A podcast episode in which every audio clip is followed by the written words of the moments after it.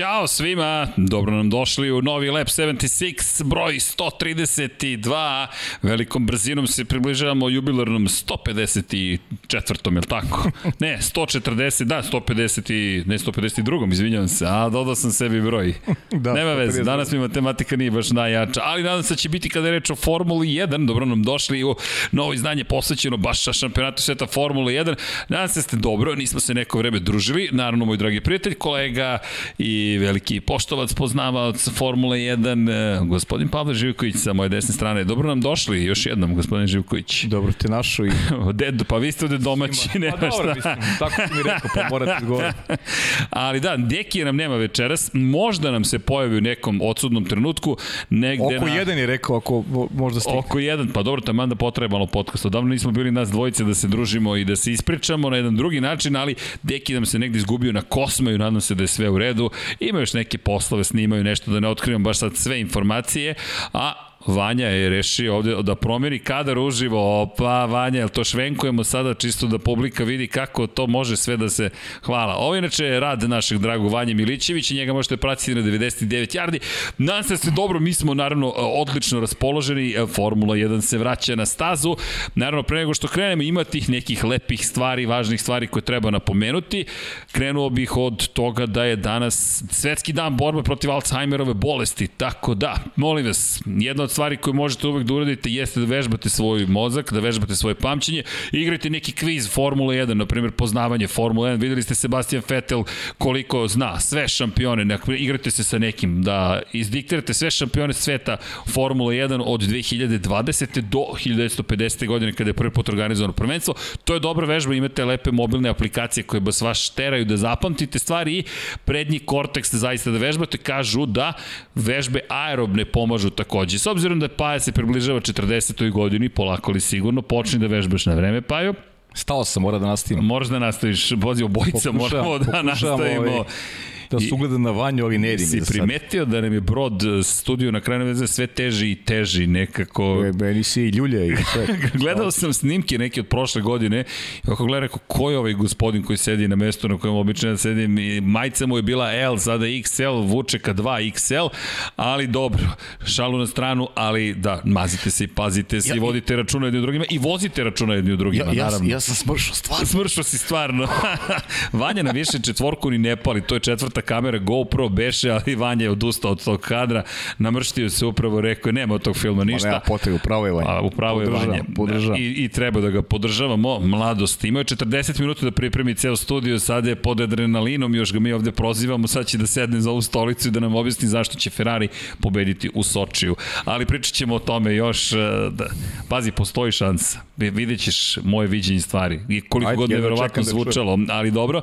No, da se mi vratimo nekim ozbiljnim stvarima, kažem, ne, ali sada nije šala. Svetski dan borbe protiv Alzheimerove bolesti vrlo je ozbiljna bolest u pitanju. Nešto što nas sve može pogoditi, neki imaju pred, genetske predispozicije kada je reč o Alzheimerovoj, ali generalno zaista možete da vežbate svoj um da što duže bude vitalan i kao i svi mišići na, u telu našem možete ga trenirati, tako da Formula 1 eto nama je neki dobar izgovor da pokušamo da vidimo šta možemo da zapamtimo kao nešto što takođe pomaže u tim situacijama, ali zaista pozdrav svima koji se bore s ovom bolešću i držimo vam palče, imate podršku s naše strane, ukoliko možete podeliti svoje iskustvo drugima, pomozite im da na vreme neke stvari urade i da, da se desi prosto prevencija. Slične situacije kada reč o celom mesecu, ove mesec prevencije samoubistava, uvek ponavljamo da to isto i ponavljat ćemo i bit ćemo uporni, neću reći dosadni, ali čak i da jesmo dosadni, to je okej, okay, zato što su ovo ozbiljne stvari.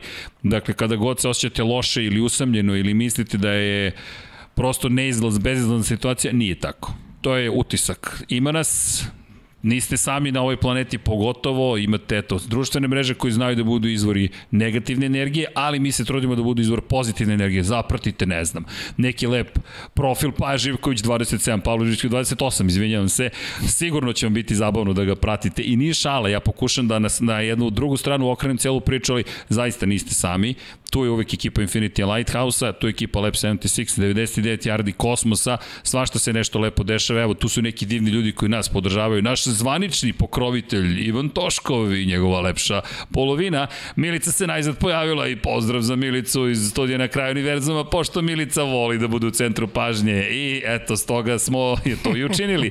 To je najmanje što možemo da uradimo, ali kažem, niste sami, a i eto, evo kad njih dvoje vidim, to je samo poruka koliko je ljubav lepa i negde vas neko čeka, naći ćete vi nekoga kao što se njih dvoje pronašli.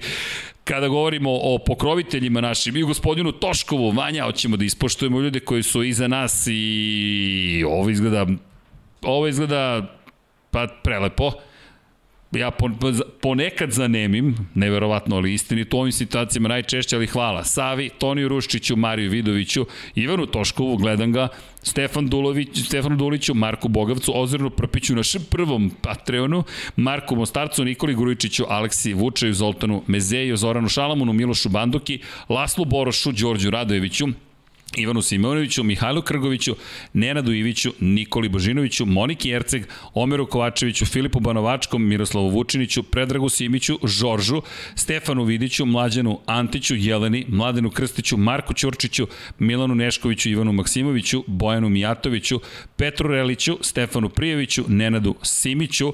Imamo još 17 takozvanih tajnih pokrovitelja, zatim hvala Luki Savoviću, Andrej, Andreju Božu, Borisu Gvozdenu, Borisu Golubaru, Zorani Vidić, Luki Manata, uh, Manitašević, izvinite, Ljubi Đuroviću, Borku Božinoviću, Đorđiju Andriću, Aleksandru Gošiću i Dušanu Ristiću i hvala svima vama koji ste sa nama.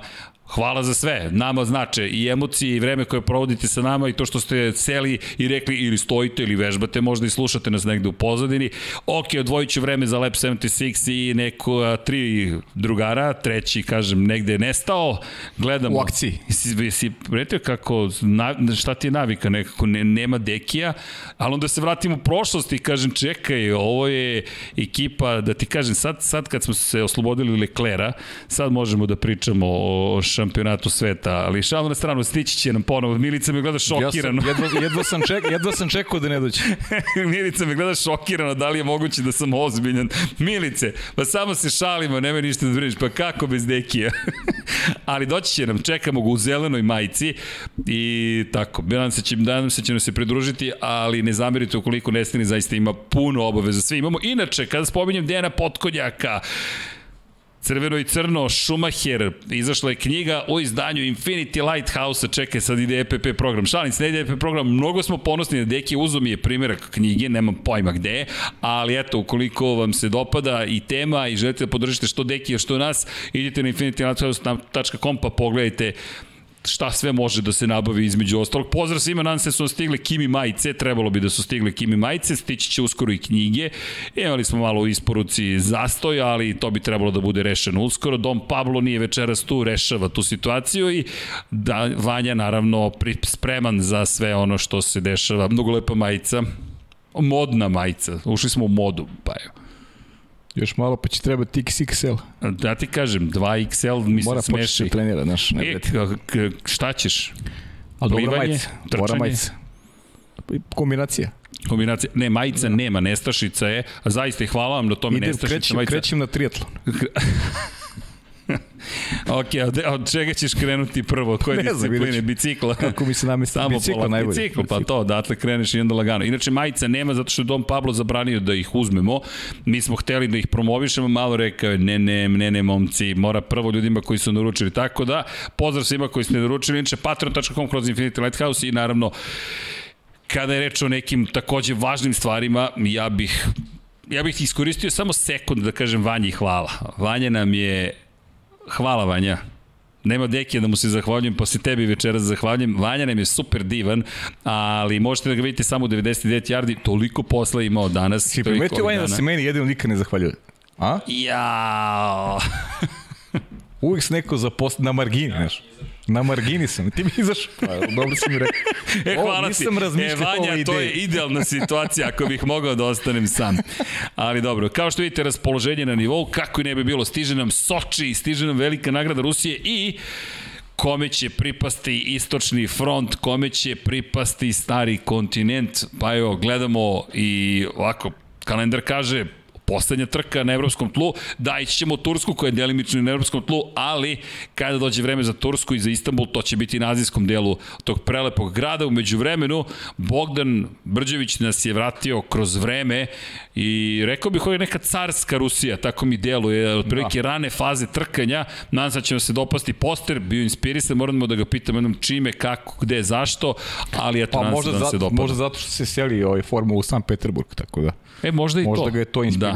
Da nam ovaj, da se vratimo ovaj, u to neko staro vreme. Da i Gora Drive naredne godine će biti staza koju ćemo koristiti u šampionatu sveta Formula 1 i oproštaj od Sočija, to takođe ne treba zaboraviti. A to je možda i onako ključna stvar, s obzirom da e, napuštamo Soči ove godine. Ovo je posljednja prilika za neke vozače da se popnu prvi put na podijum u Soču i dođe nekog velikog rezultata i zato ova trka ima neku dodatnu dimenziju, dodatnu draž. Da, i velika trka iz perspektive pa ekipe Mercedesa i Valterija Bottasa pa, takođe. Znaš kako je? I Luisa Hamiltona, Niko Pajo nije pobedio osim Mercedesa u modernoj eri ovde. Pa iskreno ti kaže, ja mislim da će se ovo, istorija ponoviti. Ja očekujem tako nešto. Čak i da nije bilo kazne za Maxa Verstappena, moj ti bi bio Lewis Hamilton u, u Sočiju za, za pobedu. Baš kao što je to bio slučaj i a, pre dve nedelje u Monci takođe. Znamo koliko je Mercedes dominanta, konfiguracija staze koja im odgovara i sve osim pobede Mercedesa bilo bi iznenađenje, pogotovo i novo nastalim uslovima, usled te kazne koje je Max Verstappen, prvo ne znam i šta će Red Bull, kako će odreagovati, kako će se postaviti, da li će menjati agregat. Pričaju nešto o ome doktor Helmut Marko, da još temu jasan stav, da vidjet će kako će se ponašati bolid u prva dva dana i u zavisnosti, rekao bih, od kvalifikacija doneći odluku vezanu za za promenu agregata na pa da, Max ajde, Verstappen. Ajde malo da se vratimo uslovno čero kroz vreme, čisto da kada je reč o Formuli 1 u ovom trenutku samo prođemo tog gde se nalazimo. Nalazimo se na kraju tog evropskog dela takmičenja. Ove godine šampionat je menjao, kalendar se menjao, 23 trke trebalo da imamo, 22 imamo trenutno, Jas Marina ostaje poslednja. Međutim, čekamo potvrdu za 20. trku da će biti velika nagrada Katara. Ova 15. trka, dakle velika nagrada Rusije, označava kraj druženja u Evropi. Ide Istanbul Park, dakle Turska, zatim Circuit of the Americas, Austin, Texas, Sjedinjene američke države, Mexico City, Meksiko, Interlagos, Sao Paulo, to jest Brazil, pa Katar, pa potom Jeddah i idemo u Saudijsku Arabiju prvi put i potom Jas Marina kao 22. trka. Razlika u šampionatu sveta između prvoplasiranog Maxa Verstappena i branioca titule sedmostrukog svetskog šampiona Luisa Hamiltona je samo 5 poena. Imali smo tri incidenta ove godine, dva direktna između Luisa Hamiltona i Maxa Verstappena, jedan indirektan kada je Valtteri Bottas pokupio praktično posle greške što Landa Norrisa u McLaren Mercedesu, što samim tim i Maxa Verstappena kasnije u Red Bullu i Serhije Pereza u drugom Red Bullu. 5 poena ih deli, treći Valtteri Bottas u šampionatu sveta 141 poen, 60,5 poena ima manje od Luisa Hamiltona, to je 65,5. Teoretske šanse postoje i za njega i za Landa Norrisa da postanu prvaci, ali budimo realni, sve se svodi na tu bitku između Maxa Verstappena i Luisa Hamiltona.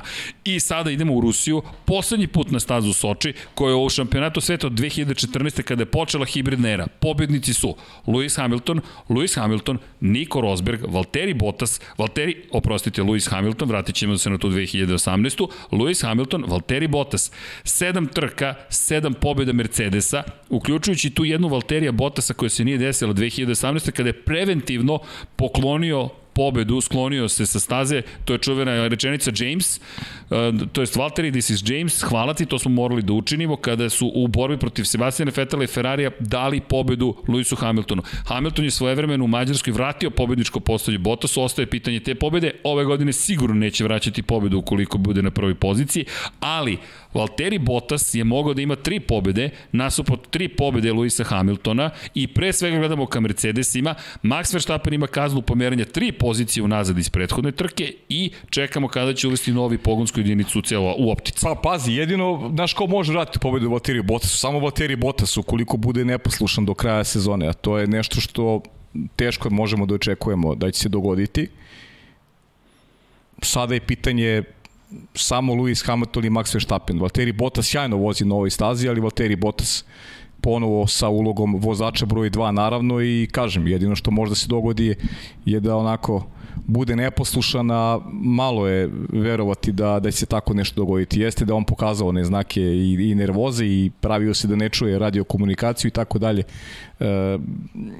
Valtteri, ali Lewis Hamilton je u odličnom momentumu, u dobroj formi, nevezano za taj incident, imao je propust e, u onim sprint kvalifikacijama kada je e, ostao bez e, prilike da startuje na željeni način u Monci, međutim staza koja im odgovara, staza koju Mercedes preferira i sve to što si nabri ide u prilog onome što sam i rekao na startu da je sve osim pobedi Mercedesa veliko iznenađenje, pogotovo kada se uzme obzir i ta kazna Maxa Verstappen, jer ukoliko Lewis Hamilton bude na vodećoj poziciji, teško da Max do kraja trke, čak i da startuje sa četvrtog mesta, možda napravi nešto više protiv, protiv Lewisa Hamiltona i verujem da će da je, da je ovo idealna prilika za Red Bull da iskoristi četvrti agregat. Meni je nacrtano da, da tako nešto uradi, bez obzira što Helmut Marko za sada i onako u rukavicama nastupa i mislim da i to negde uh, očekivano da ne otvaraju karte.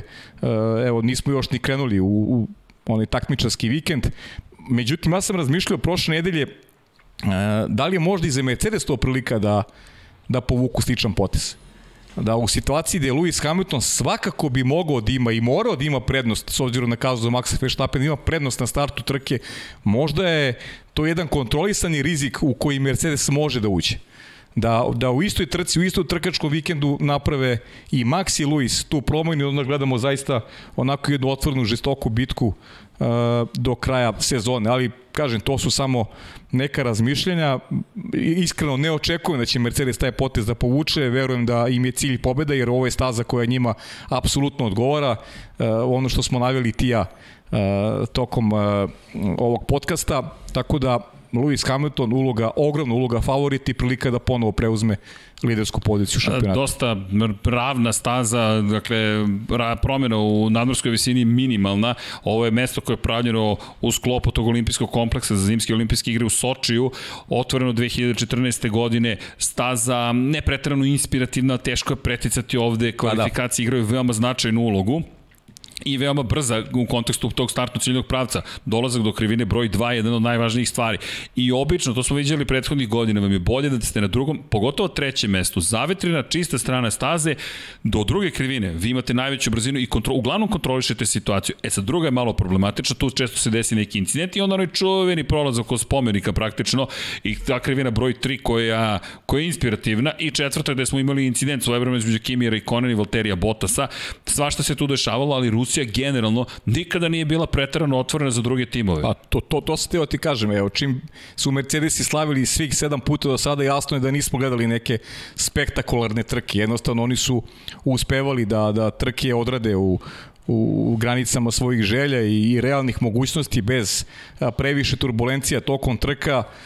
Iskreno, ja sad očekujem nešto slično najviše zbog, zbog te maksove kazne očekujem da će Mercedesi, čak bih tipovao da će imati prvo i drugo mesto na kraju. Da, svodi se praktično na to pitanje, da li će staviti četvrti motor ili ne i taj dugački pravac istovremeno ti omogućava ako si predstavnik jedne od dve najjačih ekipa. Mercedes i Red Bull toliko se izdvajaju da ovo postaje besmisleno. U prethodne dve trke u Zandvortu smo i videli na velikoj nagradi Holandije da obilaze praktično ceo karavan za ceo krug, a onda u Monci da suštinski niko ne može ni da ih ugrozi. Valtteri Bottas je bio na začelju, završio na pobedničkom postolju. Dakle, čak i u Monci gde je bilo vrlo teško preticati, Valtteri Bottas bez problema. Znaš što je ovdje jedino pitanje koje, koje može da ima Red Bull onako kao jednu ogradu mogućnosti McLarena?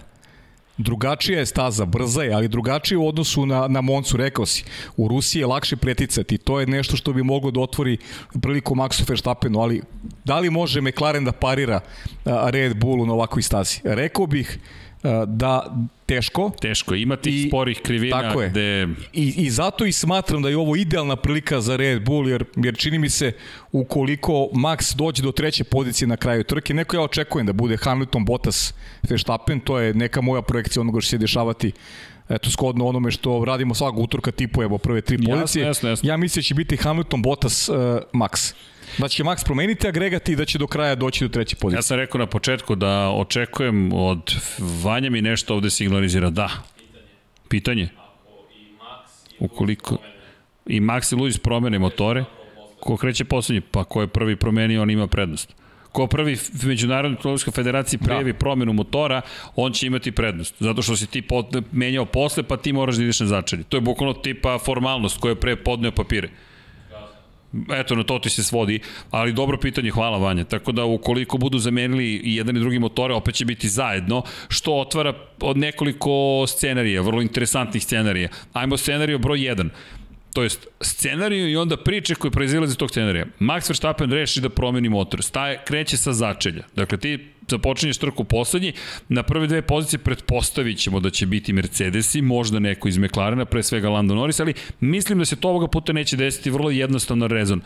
Valtteri Bottas je spektakularan u Sočiju iz kojeg god razloga da nije poklonio pobedu Luisu Hamiltonu i tu nemam ja neki problem sa tim, nemam zamerku. Pa ne, naravno. Pa prosto pa to, to je timsko timski naređenje. Rad, timski rad, to I u tom to. momentu su hteli da obezbede još jednu titulu Luisu Hamiltonu. U tom momentu on juri petu titulu šampiona sveta. To je ona čuvena sezona. Ko će predo peti titulu? Pa ja nemam problem sa tim, nemam problem sa tim što mu nije vraćeno vraćena ta pobjeda. Ej, Prosto to nisam ugovor, očekivao. Prihvatio si Tako obaveze. je, ti si pristo budeš vozač broj 2 i to je to. Nema tu nema nema diskusije nikakve.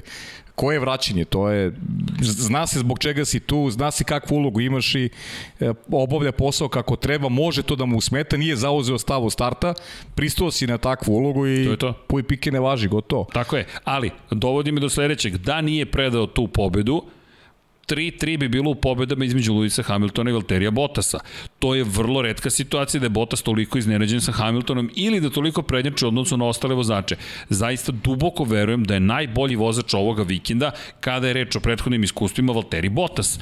I uz činjenicu da odlazi u Alfa Romeo naredne godine, da je počeo da pokazuje neke znake prkosa, ne pretrano velike, ali tu i tamo se pojave, možda će Bottas reći ok, jer vidi, Sprint trka, sprint kvalifikacije su pripale Valteriju Bottas, onda nije menjao motor u Monci, on bi startovao prvi. I to otvara veliku priliku za pobedu. Hamilton je dva puta imao loš start, dakle nije ni mogao da bude u poziciji da mu se prepusti pobeda eventualno. A da, ali ono što, ono što je razlika objektivna razlika između Luisa Hamiltona i Valterija Bottas, oni nisu ista kategorija vozača, ne, ne, nikad neće biti. Valtteri Bottas i da imao prednost vozača, broj jedan pitanje da li bi imao takve ove rezultate koje ima Luis Hamilton, ja smatram da ne bi, jer Valtteri Bottas je redko uspevao da objedini trkački vikend u smislu kvalitetne kvalifikacije i dobre trke. Mnogo je grešaka pravi Valtteri Bottas i ove sezone i ranijih godina a, nikad ga nije definisala ta konstanta koja je neophodna vrhunskim vozačima za zarad e, rezultata koji bi mu omogućili da eto možda i sa onako jasnijim stavom vezanim za otpor prema prioritetu kima Lewis Hamilton u ekipi, tako da Valtteri jeste ono što ima. To je uloga vozača broj 2. Prosto e, čini mi se da nema ni kvalitet za nešto više. Znaš, nije, nije, nije pokazao prosto da ima kvalitet za nešto ne, više. Nešto drugo hoću da kažem, a to je da bez obzira što nema kvalitet da pobedi Luisa Hamiltona konstantno, u ovoj trci, ukoliko Verstappen promeni motor, na prve dve pozicije svakako očekuje Mercedes. Svakako. Ne vidim McLaren da će ikako ugrožiti naravno, Bottas pa, i Hamilton. Kao što ne vidim ni Perez. Perez Tako je. Verujem da će u kvalifikacijama možda čak biti iza McLaren ja, u kvalifikacijama. Ja sam siguran da hoće zapravo, što onda dovodi stvari do tog scenarija, to je priče koje proizvode scenarije. Verstappen promenio, Verstappen onda zapravo suštinski bije bitku, Ferrari, Ferrari će biti zanimljivi. Ima mnogo sporih krivina i iako će se mučiti na, na pravcu, postoji još jedan pravac koji vrlo značajan, a to je pravac od krivine broj 8 praktično koji se spušta sve do krivine 11. Tu će Ferrari imati probleme i na ta dva pravca očekujemo zapravo da McLaren dođe do izražaja, Mercedes da dođe do izražaja i Honda, što otvara priliku Alfa Tauri. E sad, gde to, gde to stavlja Maxa Verstappena? Pa u vrlo tešku poziciju da juri zapravo neku vrstu pete pozicije, pe, petog mesta. E sad, ukoliko reši pitanje McLaren, mislim će mu McLaren biti najveći problem. Pa, to, da sam, to, to sam siguran, problem. ali mislim da neće biti nepremostiva prepreka za, za Max, jer mislim da će lako doći do pozicija tamo 10 i imaće onda jednu više od polovine trke gde će se boriti za, za podijum. Ja verujem da Max može do podijuma uz promenu agregata. Uz promenu agregata? Da, verujem da može do podijuma. Pa, ja mislim da će se namučiti sa Landom Norrisom i Danielom Ricardom. Daniel Ricardo obzabeleže pobedu na prethodnoj trci i prva pobeda za McLaren posle 9 godina, raspoloženje na jednom ozbiljnom nivou, dvostruka pobeda, prvi tim koji zabeleže dvostruku pobedu u ove godine i Lando Norris koji po, po jednostavno u bici za treću poziciju u šampionatu sveta i mnogo brzo. Slažem se s tobom, ali e, do kraja šampionata bi se mnogo više mučio na nekim drugim stazama, ovo je najbolja moguća prilika. Jer ovo je staza gde on može da nadoknađuje mnogo lakše pozicije nego na nekim drugim pistama. Inače, sa izvini, Mihajlo Konatarević pozdravlja nas, posle čovjek i donaciju 9,99 eura, hvala, veliki pozdrav celu ekipu, posebno za Srđana i za kulisa, inače lokom koji sam probao, to je gospodin Srđan Petrković koji je tu sa nama s vremena na vreme, inače uglavnom 99 yardi i ko nije probao taj lokom, topla preporuka, imate ga u, eto, mala, mala promo reklama za Srđana i njegovu ekipu u centru Ušće, u tržnom centru centru ušće, tamo kada vidite jednog korupnog čoveka, sad vi sami zaključite da šta, koja je njegova uloga u studiju i vidite kako je u, na, za pultom i tu vidite lokom, pojedite lokom, em je super društvo, em je ukusno i pozdrav za Mihajla. Inače, samo moram ti kažem, ima e, zanimljivo pitanje. Jovan Tomić, Dobro. igresije. Koja je prva frizura sport kluba? Viško ili Paja? Ja ću vam reći odmah, Paja. Molim vas, ja. u Formuli 1 je. Mislim. Daj Viška, molim te, nemoj mene. Za... pa kako, pa molim vas, mislim, mi poštujemo i Viška i Gojdaricu i Vision Go Show, ali Gospodin Živković, šta vam je? Pa to je urbana legenda, tako da tu nema šta. Dobro, kad ti kažeš, ajde. Pa kako, ja ni nemam frizuru, tako da je sve okej. Okay. A imaš ti, imaš, to je ovo sportska Adidas. Važi, pozdravio me Jean-Luc Picard i, i to, to je to. Iz zvezdanih staza sam iskočio tamo iz ranih 90-ih, ali dobro. Idemo mi dalje. Kada Ajmo je reč o ozbiljnim stvarima i o mojoj najavi da će Ferrari da pobedi, to ćemo reći kasnije za, zašto. Mislim da će ovo biti luda trka. Jedva čekam da mi to i objasniš kako si mislio nema Ferrari da pobedi, ali, ali vidim da se Vanja smeška, ali stvarno ali, ne vidim ovaj... Zato što sam obukao crvenu majicu, pa, ne, za, ne planski, to, ali to, to, to ti leži odgovor. Znači, iracionalni su razlici. Tako je, ali im, ima, ima neke logike. Pazi sad ovo. Doćemo posle do Ferrari. Moramo da se pozabavimo ovim ozbiljnim stvarima. Daleko toga da Ferrari nije ozbiljen, ali činjenica je da moja prognoza je onako hrabra. Pa čini si rekao da ćemo ozbiljnim stvarima sada se bavimo kasnije ovim drugim. Jasno mi je kako vidiš pobedu Ferrari. Ajde. Vidi mi Ajmo dalje, dalje veruj mi, čudno će se stvari dešavati. Opet očekuješ neko čukanje. Tako je. Tako je. Pa, Ukoliko ne bude... je teško. Ajmo sada da idemo na scenariju broj 2 i scenariju broj 3. Ukoliko... Ja ga očekujem isto, ali ne ovde. Ne promeni motor, Ukoliko Max ne promeni motor, da, možda bude svašta. Bude prvi ili drugi u kvalifikacijama, startuje četvrti ili peti. To otvara, pogotovo ukoliko bude najbrže u kvalifikacijama, uz kaznu ide na četvrto mesto. Četvrto mesto je unutrašnja strana krivine, prljava strana, ali opet imate ozbiljnu zavetrinu ispred sebe. I tu može Max Verstappen da sjajno krene. Ali traži se dodatna agresivnost. Mislim da će biti veoma agresivan i Max i Luis.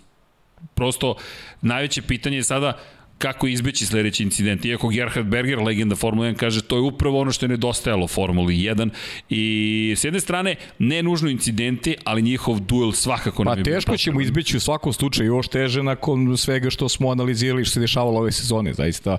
Nema tu prostora, nema čvrste ruke koje drži pod kontrolom ono što se dešava na stazi. Michael Masi je čovek koji nije dorastao ovom takmičenju, to definitivno tvrdim i nedostaje neki autoritet koji bi mogao da pomirljivije utiče na dve strane, ali opet s druge strane imamo naravno dva trkača, dva čoveka koji imaju jasnu viziju i pokazali su u Monci i jedan i drugi da će se boriti do kraja, da će biti agresivni do kraja i da nas čeka, da nas čeka žestoka bitka. Verujem da ćemo gledati nove okršaje između njih dvojice, ali eto ti razmišljaš o tome da Red Bull neće menjati agregat, a ja sam onako čvrsto uveren da će to baš sada dogoditi jer ne vidim prostor da kasnije to urade, jer mislim da će svako biti u zaostatku da je ovo idealna prilika da, da, da naprave tu promenu. Ajde, pričali smo ovako, na početku godine, gde se nalazimo iz perspektive šampionata sveta? Naredna trka je Turska, pa Amerika, pa Meksiko, to smo pričali prošle pod Brazil, Katar očekujemo, Saudijska Arabija, Abu Dhabi. Delo je da moraš uskoro da promeniš motor. Pa, Poneste ti vreme. Realno je. Poneste ti vreme. Realno je. Pritom Red Bull je u ozbiljnom problemu sada. Red Bull je uh, pokazao znake slabosti u Monci. Napravili su jednu ozbiljnu grešku. Baš onako početničku u trenutku kada je Max mogao da podeblja prednosti da sada sa sigurnošću tvrdimo šta će se dogoditi u Sočiju. Ali bojim se da nemaju izbora. Pogotovo sa ovom kaznom koju je Max zaradio nakon Monce, Mislim da je potpuno realno da, da, da sada naprave taj tu promenu i da onda se više optimizma dočekaju nastavak sezone i odlazak u Istanbul.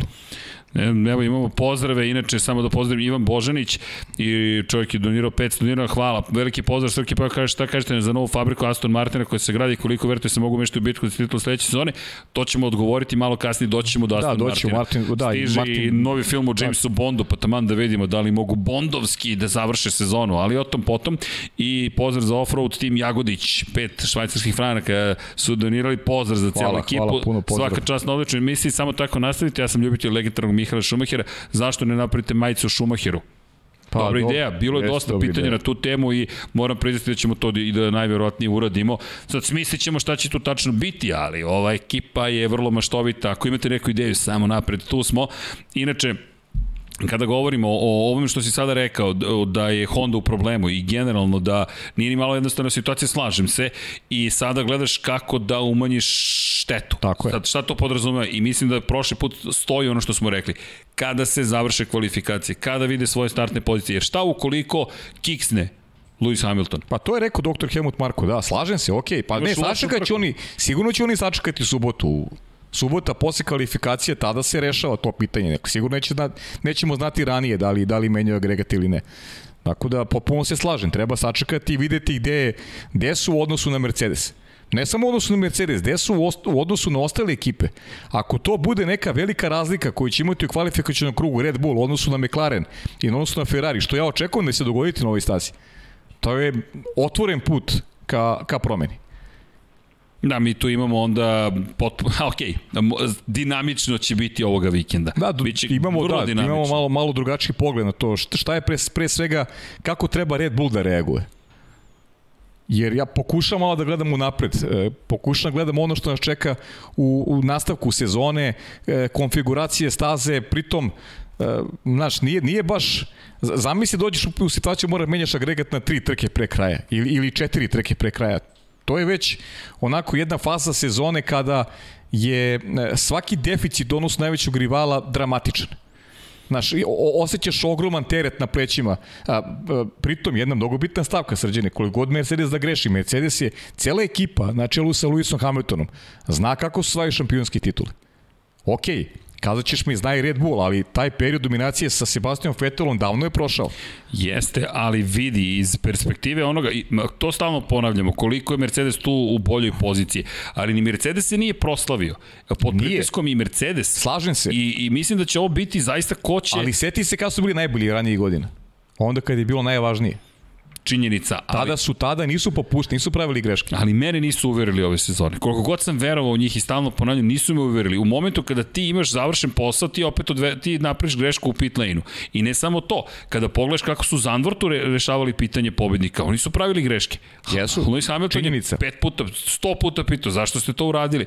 I mislim da, da sada Znaš kako, najmanje popuštaju Hamilton i Verstappen. Oni su najagresivniji. Jest, Oni jest. najmanje problema imaju. Najmanje, da. To, njihovi incidenti, kontakti, to je samo rešenost da se ne popusti protivniku. Ništa drugo. I jedan i drugi su mogli da izbegnu sve do sadašnje incidente. Neće. Jednostavno, to neću. Skloni se ti, neću. Skloni se ti, neću. To je kao klinci kad smo. I šta se onda desi? Obično izbije tuča. Obično da. izbi tuča u školskom dvorištu. A jest, to je, to je činjenica. Jednostavno, to je to. Je to. Ovako, bom, pokazuje mi Ivan Toškov. Šta, uh, ovo, ne, ne, ne, neku, nešto se dešava, nešto želi da nam pokaže, Nismo razumeli Ivane, ali Ivan je u svakom slučaju pokazao bum. I to se slažemo. Neki bum postoji. Neki bum postoji. Nego je projekcija, ali još nismo skontali da, koji. Nešto se ovde dešava na stolu, po, ali mi ne shvatamo Ivane šta si teo da kažeš. O, jednostavno, godine su nas stigle, ali činjenica je da... I znaš kako, kako kažu, kako je rekao Michael Masi, pošalj, pošaljite mail. Ne, ne. da li si pročitao mail? mail? Da, Toto Wolf. Stvari, budi Toto Wolf. Pošalj da. na mail. Ko je Michael Masi u ovoj priči? Neće da bude Michael Masi. Hvala ti. U svakom slučaju, kada govorimo o, o Mercedesu, mene nije tim uverio da može da izdrži. Red Bull me nije uverio da izdrži. Njih dvojca će izdržati i sada se stvara... Za, zašto mislim da je ovo i Markovo i sve o što pričamo deo bitke? Koji tim će popustiti? Ko, jer, pazi ovako, možda možeš da čekaš i ako Mercedes zaista mora da menja motor, možda možeš da čekaš, ok, čekat ćemo mi da vidimo kada ćete vi da promenite motor. Koliko god možda zvučalo jogunasto, detinje ili besmisleno. Mislim da nije, da, da, da ne moraju sada još uvek da odluče. E, šta, gde leži još jedan problem? To jest, kako predvideti? Vremenske uslove. Kako predvideti u kojem trenutku će padati kiša? I da li će padati kiša? Pa dobro, Turska. I, to je, to je Znaš, takođe problem, problem je i što mi ne znamo sa sigurnošću da, da, da će biti 22 trke ove sezone i to je još jedan problem, ali to je sad Činjenica. nešto što je srđene kocka, znaš, nešto e, što nije realno stanje, ne možeš ti na osnovu toga da, da donosiš odluke, što su dve ozbiljne ekipe, ozbiljne franšize i uh, kažem ti, eto, ja, ja očekujem da će Red Bull da povuče potez da će povući potez upravo ovde u Sočiju, jer i dalje baš smatram da je ovo idealna prilika za tako nešto. Bila bi još bolja prilika da je Max završio u Moncu ispred Luisa Hamiltona, kao što je to sugerisao učinak u, u kvalifikacijama, ali eto, Red Bull je pogrešio mnogo više nego što je to uradio Mercedes. Eto, splet kakvih okolnosti nas je doveo do toga da imamo taj, taj incident u Monci i situaciju iz koje na kraju opet bolje prošao Lewis Hamilton, bez ozira što su oboji završili pored staze i ima otvoren put u Sočiju da vrati prednost u šampionatu. Stoji, stoji. Evo, Vukašin Vučenović, samo da pozdravimo. Pozdrav legende, gledamo Ortokija 20 godina, F1 nikad nismo otišli uživo da gledamo. Koji bi se trko prepoložili za prvo i kakva je atmosfera? Vukašin, pozdrav, donirao čovjek 250 dinara. Koji bi smo preporučili prvu za, za prvu. pogledati? Pa prvo za pogledati bi najbolje bilo Abu Dhabi da da gledati. A ovo sada ove godine. Jer ta rešiti šampionsku titulu verovatno. To je idealno gledati neku koja ima direktan uticaj na šampionat, a mislim da je to suština gledati gledati trku koja odlučuje o nečemu. Da, evo, da primjer, pa, pa, znaš kako, može Abu Dhabi, ali ako ne budete mogli u Abu Dhabi, iskreno, ranih godina bih vam rekao na keca Monca. Međutim, videvši Moncu ove godine i videvši Zandvort ove godine, ja bih se sada spakovao, otišao u Amsterdam, M Amsterdam zbog muzeja, M što možete lepo da sednete i dođete na obalu sa Severnog mora i uživate u trci Zandvortu i onoj neverovatnoj atmosferi. Ja bi, ja bi preporučio Spa ili Moncu. Može Spa. Spa, isto. Spa ili Moncu, to je... Spa. Ipak sam ovaj, nekako veran toj, toj tradiciji i ne znam, nekako sam uvek bio najviše uskićen kada, kada dođe taj period sezone kada se trkaju u, u Belgiji i, i u Manci. A inače, Tibor Ivaša, Ivanišević vas pita nešto što će ćemo doći, donirao čovjek 10 evra, hvala. Da li mislite da će uđe novog motora od strane Ferrari sa novim komponente dodatnim konjskim tamo može da im pomogne da dođu do trećeg mesta u prvenstvu, PS kreću se začeli u Sočiju. Polako, doći ćemo sada do moje teorije. Moja šašava teorija nije toliko šašava. Čućete šta će sve ovde da se dešava pit stop ili virtualno vozilo bezbednosti mogu da reše stvari, no da se ipak vratimo korak unazad. Dakle, krenuli smo od toga scenariju u kojem Max Verstappen ne menja motor, trka se, zavisi u velikoj meri od tih subotnih rezultata. U tom scenariju zaista mislim da može opet doći do incidenta, to je da može opet doći do toga da ekipe stvore situaciju u kojoj će biti vrlo napeto između vodeće dvojice u šampionatu sveta. I imate treći scenariju, osnovni, ima ih mnogo, u kojem obojca menjaju motore, i startuju se začelje. Što opet mislim da nas vraća na istu situaciju od malo pre, a to je da njih dvojice jedan protiv drugog da će gledati što više da se bore jedan protiv drugog. Ba, baš će biti dramatično. Hamilton jeste s jedne strane bolje prošao u Monci, međutim s druge strane Max Verstappen ima prednost u šampionatu sveta i ukoliko može da održi tu prednost u šampionatu sveta do posljednje trke, vratimo se i kroz istoriju, kroz ovo što smo videli. On je taj koji ima prednost, dakle u tom kontekstu što može više da rizikuje, jer ukoliko ponovo dođe do incidenta u kojem ni jedan ni drugi ne završavaju trku, Max Verstappen je taj, ne kažem da će to da uradi, da se razumemo, samo se pozivam na istoriju Formule 1 i šta se sve dešavalo, tako da mnogo je kompleksno ove godine, mnogo je zahtevno, ko zna šta će se desiti, samo je svaka trka ne podjednako važna. Sada je svaka trka praktično šampionska bitka i to je ono što je meni super za Soči, još pride što smo poslednji put ovde, oprošto je od Soči, i pride što ovo poslednje trka na evropskom tlu. Mi posle ovoga krećemo, što je dodatni izazov za ekipe. Ljudi, Jest. kada odemo iz Sočija, Turska će biti najjednostavnija trka. I kad, kad pričamo o agregatu, mislim, menjaće ga sigurno i Mercedes do kraja godine na bolidu Luisa Hamiltona, jer znaš šta je poslednja opcija koju smeš da dozvoliš sebi? Da ti otkaže agregat na nekoj od trka. U situaciji kada imaš recimo priliku i da dođeš do podijuma, da ostaneš bez agregata, da te izda u nekom, nekom finišu trke. Mislim da bi taj neki moment možda bio i uh, definitivan kraj uh, za šampionski nade što jednog što drugog. I zbog toga trebaju da budu obazrivi jedni i drugi sa momentom kada će uh, zameniti agregat ili ima još mnogo do kraja godine.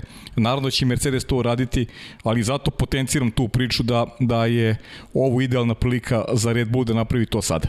Da, inače, kada govorimo o strategiji prošle godine, kada pričamo generalno o stvarima koje mogu da se dese, Jedno stajanje očekujemo, kao što smo dobili i prošle godine. Dakle, mi očekujemo nekdo oko 25. 26. kruga vodeći da menjaju pneumatike i to je to. Možete da idete i na ranu promenu guma, pa nešto da tu postignete više, ali u suštini naše očekivanja od C3, C4, C5 guma koje se biraju za samu stazu Soči, inače uopšte ne jede pneumatike, to je jedna od najpoželjnijih staza po pitanju potrošnje pneumatika.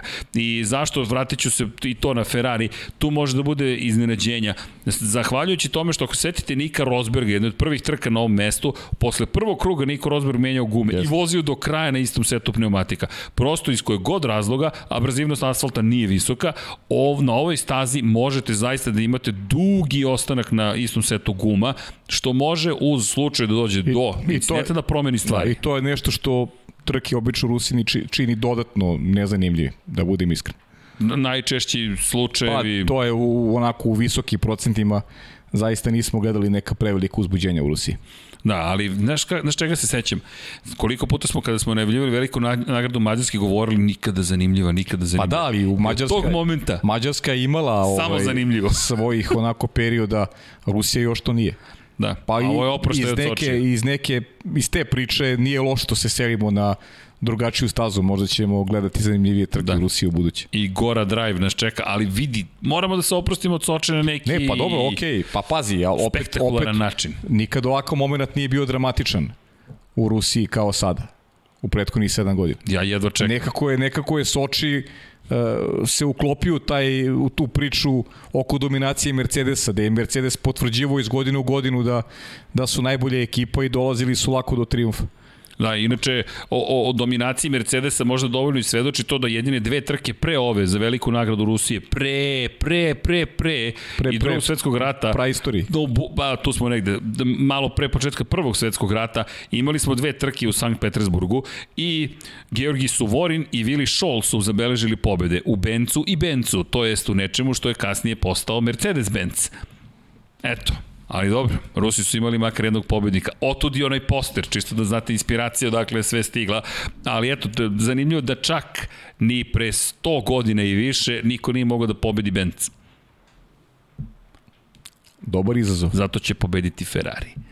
Ajde čujem konačno e, tu teoriju. Kratka je teorija. Čekam da čujem, ajde. Imaš novi motor. Ako je istina da dobiješ novih 15 konjskih snaga i ako je istina da na ovoj stazi ćemo videti hajde da kažemo, unapređenu verziju Ferrarija, koja je dosta problema imao pri većim brzinama, krećeš sa začelja, krećeš na tvrdim gumama, najtvrđim gumama koje su ti na raspolaganju, dolazi do neke situacije, ne znam između koga, u kojoj ta strategija zapravo ti daje komparativnu prednost i ti na kraju beležiš pobedu to je onako crazy moment, ovo sam ukrao iz 99 yardi i lude najave, evo lu, moja luda najava, koja nemojte shvatiti preterano ozbiljno, ali znate ono kad vam se desi nešto vam padne na pamet i možda se i obistini. Logika ne kaže da je to realno, ne kaže da će se to dogoditi, Vanja mi se smeje otvoreno, Paja me gleda gleda me tako da Vanja ne sme da prebaci ne na Paju. Ne bi da ti kažem kako te gledam. da, ali, ali ljudi, moramo malo da se zabavimo. Mora nekada da se desi nešto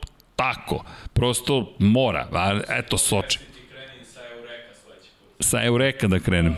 Ok, nema, ne, nema nikakvih problema. Tvoj, tvoj teoriju, bi, tvoju teoriju bih e, donekle podržao da, da nema te kazne za Maxa.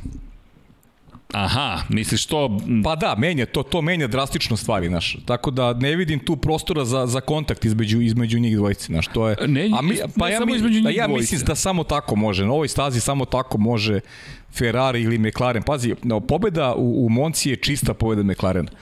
I to je prvo u sezoni da je nevezana za incident jasno, između jasno. vodećih. McLaren bi pobedio i da nije bilo incidenta između Maxa Verstappena i, i Luisa Hamiltona ali ovde zaista ne vidim prostor da neka druga ekipa slavi, osim u slučaju nekog incidenta između vodećih, a zbog te kazne baš ne vidim prostor da, da je tako nešto moguće. Ja sam moju šašavu teoriju izdeo. Ok, I pa i, tu ću da stanem. Pravo, naravno. Ali bitne su vesti i kada govorimo o tome šta se događa u kampu Ferrarija, nastavljaju u svakom slučaju da rade na tome da unaprede stvari.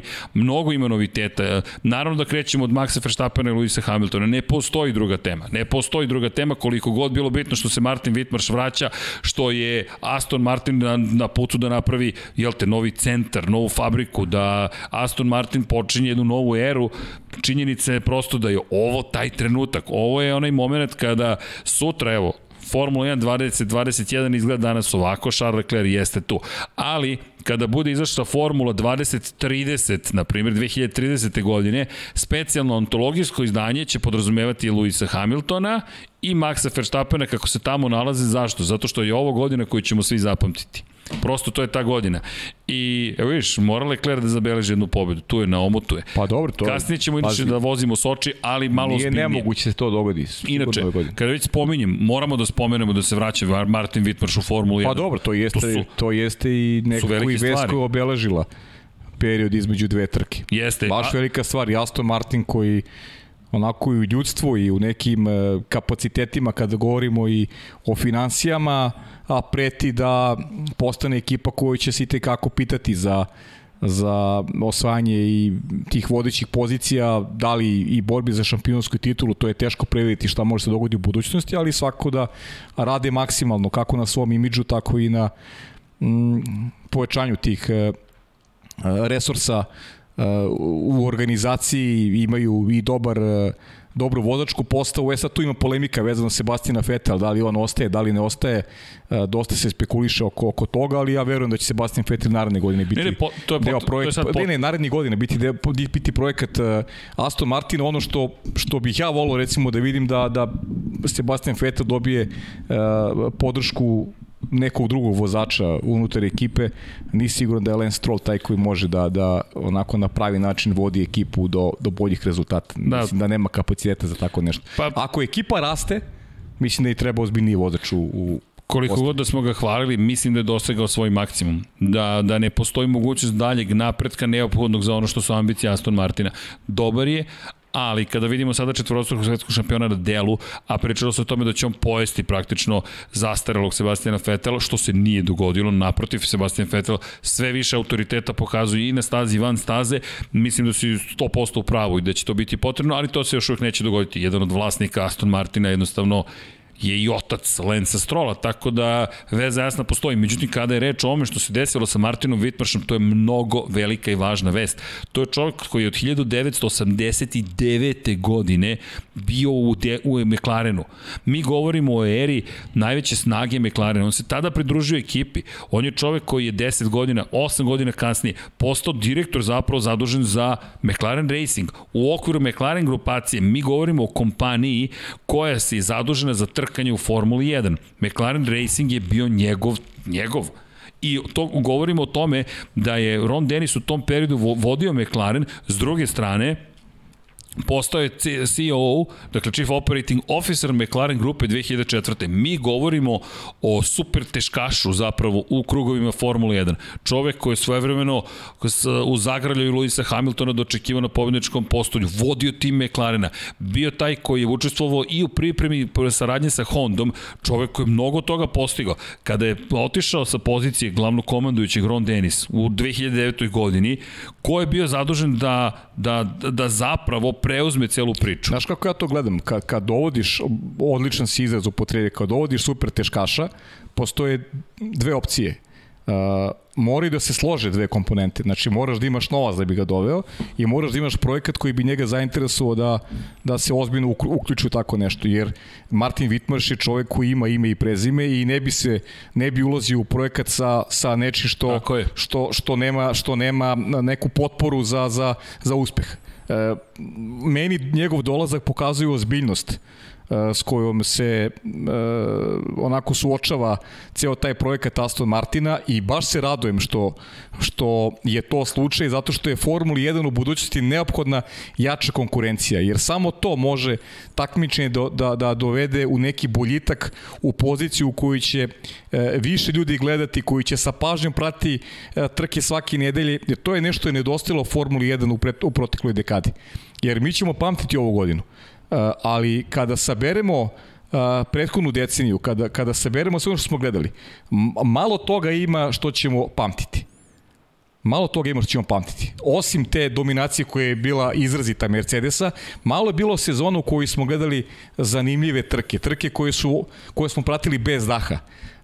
Bilo je tu i tamo, 2018. je bilo onih momenta kada, kada je Alonso pokušavao sa Ferrari, ali, ali generalno to je, sve to bilo kratkog daha. Nismo imali sezonu u kontinuitetu u kojoj su se dvojica vozača iz različitih timova borili iz jedan cilj.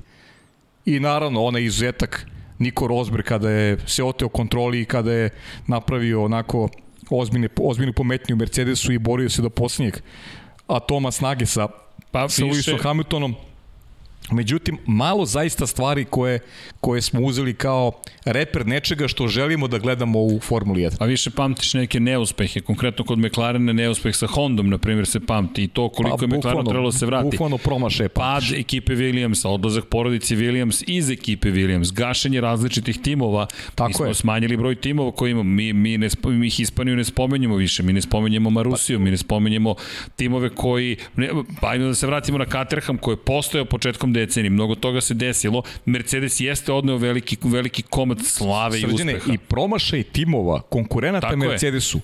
u, u tome da ne, nisu uspevali da uh, Mercedesi na tom polju izvan staze Nadigraju. Da, da nadigraju, već su bili apsolutno u njihovom zapičku. Sve što je Mercedes planirao, Mercedes je na svim poljima bio dominanta na stazi, ali izvan staze, gde čak imamo situaciju ove godine da se menjaju neke, neka tehnička pravila, gde što je mislim, smatram nedopustivo za, za, za takvo takmičenje kakve je Formula 1, ali to je sve nemoć drugih timova da, da izađu na kraj sa Mercedesom koji ima apsolutnu tapiju na, na Formulu 1 ali, u prethodnoj dekadi. Izvini, znaš šta je meni zanimljivo u ovoj priči? Kada kažeš da je to pozitivno, pozitivno je ovako. McLaren, meni prva asocijacija Martin Wittmarš i meni u glavi McLaren.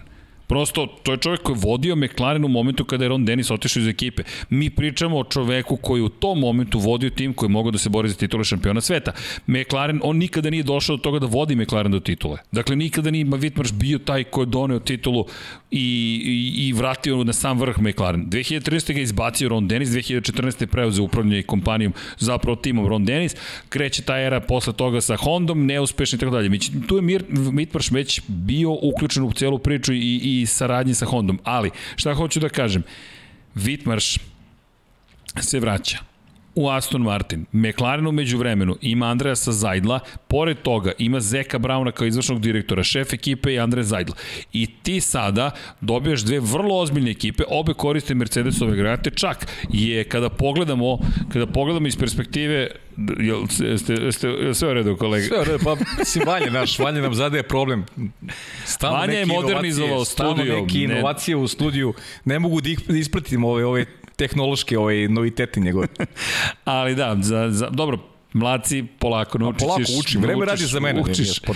Ali imali smo ovde neki peh iza kulisa, pa ne zamirite što se ja smejem, ali činjenica je da je sada sve funkcionalno. Ništa, Vanja, za malo pojedem mikrofon, sve okej. Okay. Ali kada govorimo o, Zeku, o Zeku Brownu, prostite, i kada govorimo generalno o Andresu Zajdlu, meni ta ekipa mnogo moćna. Hoću da kažem, i, i jedna i druga ekipa, Aston Martina, koristi Mercedesove agregate. Vrlo zanimljiva situacija. Ne mislim da će iko da pusti tu Mercedes, ali jednom ti dobijaš ekipe koje pružaju najveći novi otpor, Ferrari je u problemima pa je u problemima, Red Bull pruža otpor pa ga pruža, Renault, to je Alpina vratit će se, ti jedno dobiješ Aston Martin koji čekaj, što sad sve radi Aston Martin? Ja, ja, ja, ja hoću ovo da razumem. Mercedes je suvlasnik, Sebastian Vettel je suvlasnik, Toto Wolff, šef Mercedes je suvlasnik.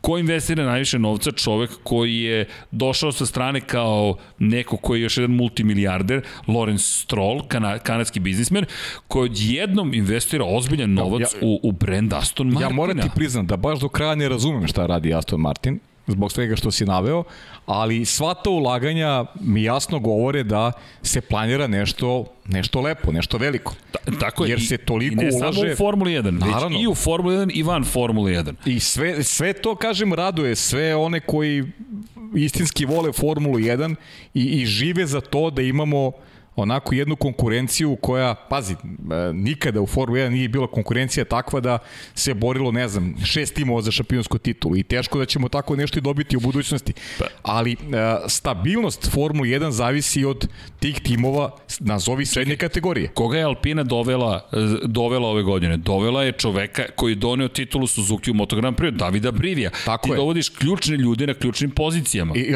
a znaš šta nam treba? Upravo nam treba ono smo gledali u Monci da imamo McLaren koji pobeđuje u čistoj trci. I još postoje najbrže krug nužno da bude, Ne mora to da bude nužno svake četiri nedelje, svake tri nedelje, ali da ima staze gde mogu da pariraju i ostali. I to je sjajno za Formulu 1. Najjača priča ove sezone je meni povede Daniel Ricard. Zato što je došla kao proizvod fantastičnog učinka McLarena tokom čitavog vikenda. Kvalifikacije, trka, nevezano apsolutno za incident Maxa Verstappena, Luisa Hamiltona, uh, McLaren je izvojevo čistu pobedu. Mi prethodnih godina srđane smo imali redke momente da je pobeđivao neko osim Mercedesa, a da to nije bio splet nekih okolnosti na stazi. Pierre Gasly, na primjer, u Alfa Tauri. Pierre Gasly, recimo, Alfa Tauri. Znači, Sergio Perez u Ser... Racing Pointu. Tako je. Prošla godina mogao je Max Verstappen, znači Max Verstappen, Red Bull i, i Mercedes. To su vozači koji pobeđuju. I to i dalje stoji. I ali, to i dalje stoji. Ali Monca pokazuje novi trend. Potpuno. I ovo se uklapa od taj trend. Inače, Lorenz Stroll koji je rekao da je imenovanje Vitmarša zapravo još jedan korak u tome da se oni bore za titulu šampiona. I ti kada pogledaš, pa pogledaj, slušaj njegove rečenice. Kaže, Martin će e, biti na poziciji starijeg rukovodioca, odgovoran da mene podrži i da mi pomogne u postavljanju novog strateškog pravca za Aston Martin Performance Technologies i njene podružnice.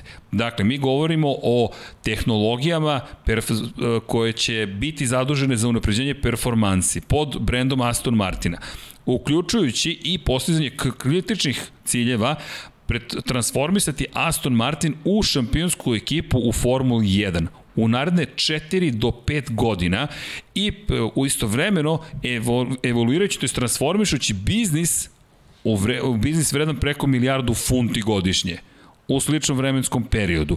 Dakle, mi govorimo o ne ambiciji, nego ambiciji da se sruši Mercedes, da se sruši Red Bull, da se sruši Ferrari, da se pa, sruši McLaren. Malo posjeća na, na na Red Bull, na, na ono što je radio Dieter Matešić, to je, znaš kako, to ti ona priča i imam novac i mogu da se postavim na način gde razumem se u sve, pa ja odlučujem šta će se dešava, iako, iako nema mnogo dodirnih tačaka sa, sa svetom u koji sam ušao novcem, ali e, Dieter Matišić je to vrlo lepo postavio angažuju ljude koji znaju i stvari za Red Bull su funkcionisali jako dobre. Deluje mi da je ovo slična priča. E, dolazak ljudi od autoriteta, od znanja e, pre svega i to je jedan dobar projekat koji u budućnosti može da donese Aston Martinu velike rezultate. Sad, da li borbu za šampionske titule, ne možemo mi to sad da predvidimo sa ove distance, ali svako dolazak takvih ljudi kao što je Martin Wittmarš, uh, jasna je poruka svima onima koji će u buduće pozivati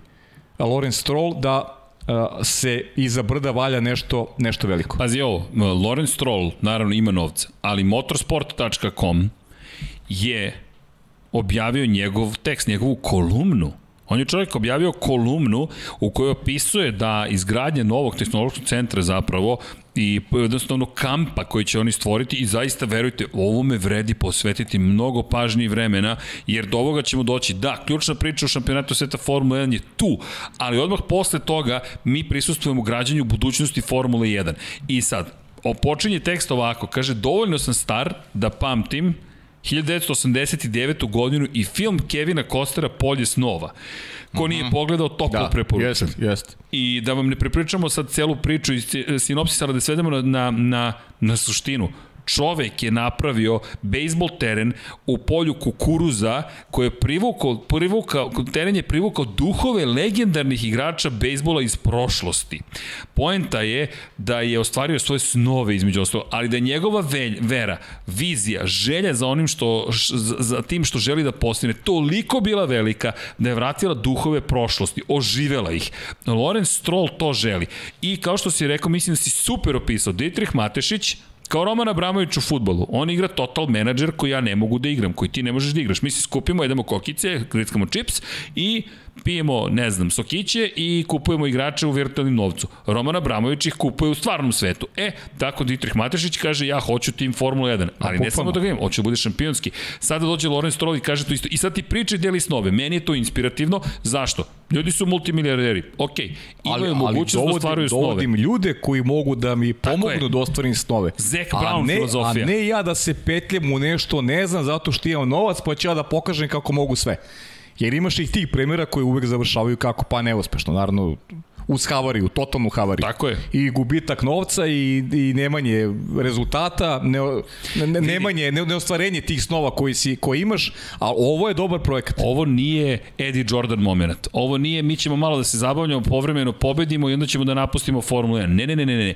To je Deki svojevremeno opisivao situaciju. Pa kaže, postoji sledeća situacija. Da li si toliko ambiciozan da, da vodiš tim Edija Jordana Formula 1 koji će da ima par pobjeda i mehaničari će da, ne znam, zvižduću za devojkama i bit će ha, ha, ha, super moment i zabavno za sponzore, ali ili ćeš da vodiš tim Ferrarija Žana Toda.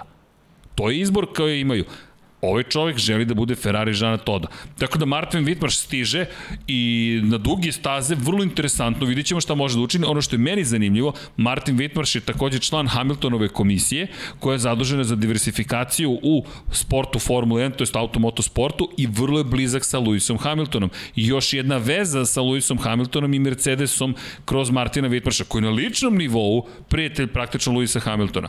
Tako da veliki vest iz te perspektive jest, i nešto o čemu zaista zaista vredi razmišljati. Bukvalno je bilo šokantno. Martin Wittmarš, ko, o čemu pričamo? Čovjek se posvetio tome da zapravo, ne znam, bavio se koliko znam jahtingom, to je bio je u jednoj vrlo ozbiljnoj ekipi. Pa da, po, potpuno izašao iz... I, konsultant i, za Formulu E je bio. Jeste. Na, nikakve veze čak, sa ovim. Čak mi se čini da, da nije uopšte ni razmišljao o povratku u, u Formuli 1. Njega je baš trebalo ubediti sa, sa nekim dobrim projektom.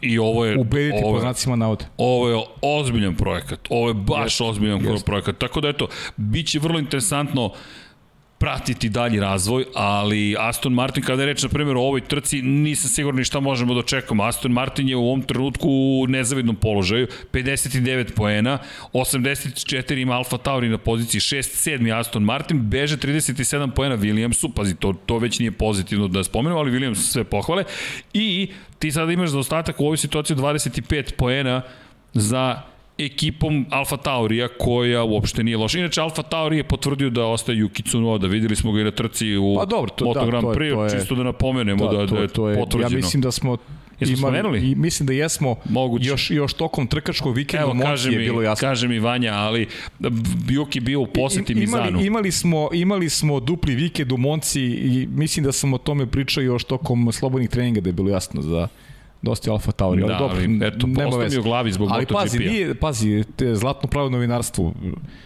treba neke Ponovi. informacije ponoviti, to je, ne slušaju i svi uvek sve, tako da treba ponoviti. Hvala pa je. Ali sviđa mi se, kažem ti, sviđa mi se cela priča vezano za, za, za Aston Martin, jer vraća se ponovo na temu Znaš, imaš ljude, to je kao, ja recimo sad imam novac i hoću se bavim digitalnim marketingom, znaš, odlučio sam, to je moja strast, moja pasija kao, i sad ja ću pokaže svima kako se to radi. Ne, ja ću pozovem Srđana Ercega i ja ću sa njim da radim, zato što wow. znam da on to zna, a ne ja, zato što ja imam novac, pa sad ću ja da pokažem kako se to radi, ne znam ništa o tome. E, zato mi je taj projekat ceo, mi liči na Red Bullov projekat koji je gospodin Matišić započeo, tako što se čovjek okruži ljudima koji znaju, dao im je sva moguća ovlašćenja, jer je znao da je to put do uspeha i, i ispostavilo se da je imao jasnu viziju i kapa dole. Uložio je u pravi projekat i pustio ljude od autoriteta i znanja da, da se time bave. Pa vidi, i čak i Honda ovog vikenda Jonathan Noble je napisao super tekst, inače ko autor je bio David Malcher Lopez, čovek koji je urednik u Sjedinim američkim državama, o tome koliko je Hondi pomoglo negativno iskustvo s početka nove ere u Formuli 1 i, i baš su pričali o tome koliko je zapravo to pomoglo japanskom timu da sada može da se bori za titulu šampiona sveta. I jednostavno Toyohara Tanabe, e, Toyohara, oprostite, Tanabe je rekao da tehnički direktor, da je njima to iskustvo bilo važno. I sad govorimo o Aston Martinu koji se muči ove godine, ali uz ovu podršku, uz ove poruke koje šalje Lorenz Stroll, nema odustajanja, ma kakav, mi pravimo nove stvari, dovodimo Vitmarša, investiramo, da misli sledeće godine kako će to izgledati. To je ono što, što mi sređene ne znamo, definitivno uh, neki timovi imam utise da su isključivo fokusirani ono što, na ono što sledi jer e, nisu protagonisti e, nekih ozbiljnih dešavanja u tekućoj sezoni, prosto prate i oni tu bitku između e, Mercedesa i Red Bulla i pripremaju se i strateški organizaciono u svakom pogledu da dočekaju spremni te promene u Formuli 1 i 2022. godinu ciljem da je Aston Martin jedan od tih, jedna od tih ekipa koja a, gleda u budućnosti i to je, mislim, jedina ispravna vizija koju mogu da imaju u trenutku kada ova dva tima su izrazito dominantni u šampionatu.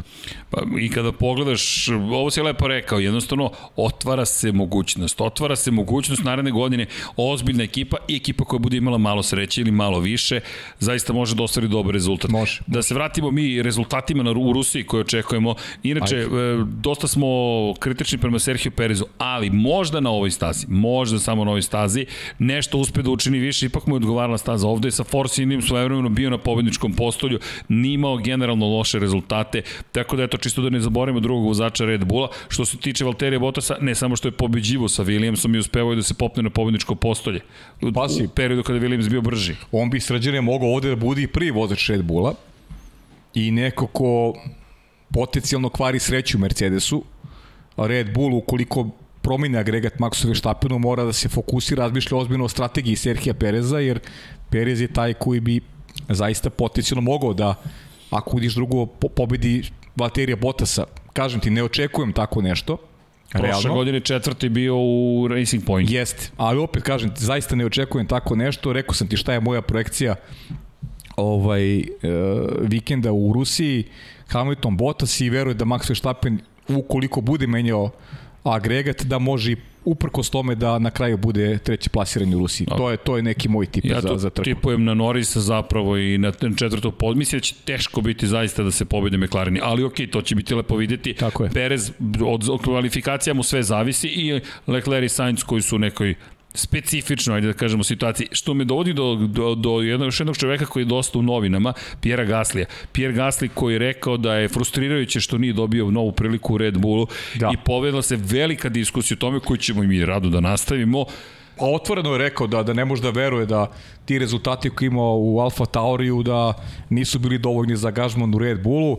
Christian Horner je ne, Helmut Marko, Helmut doktor Marko, Helmut da. Marko je odgovorio da kratko odgovorio da je prosto neophodan Alfa Tauri naredne godine, dakle bez nekog ulaženja u, u, u polemiku sa, sa Francuzima, ali verujem da se svima dopada stav koji ima Pierre Gasly, koji želi prosto više od, od sebe, želi više od svoje karijere, a svestan da će i naredne godine uh, uh, eto biti u Alfa Tauriju sa nekim onako mrvicama koje može koje može da skuplja spreman očigledno za za velika dela ali naravno nema nema aparat u rukama nema mašinu u rukama ali meni ajde Pa da li misliš da bi bolje, ajde za početak prvo pitanje, da li misliš da bi ovog puta bolje bilo u Red Bullu za njega? Ne mislim. Delimo mišljenje, ja mislim da bi podjednako loše prošlo. Ne mislim da je bilo bolje, da, ne mislim da bi bilo da bi bilo kom vozaču bilo bolje pored pored Maxa Verstappena.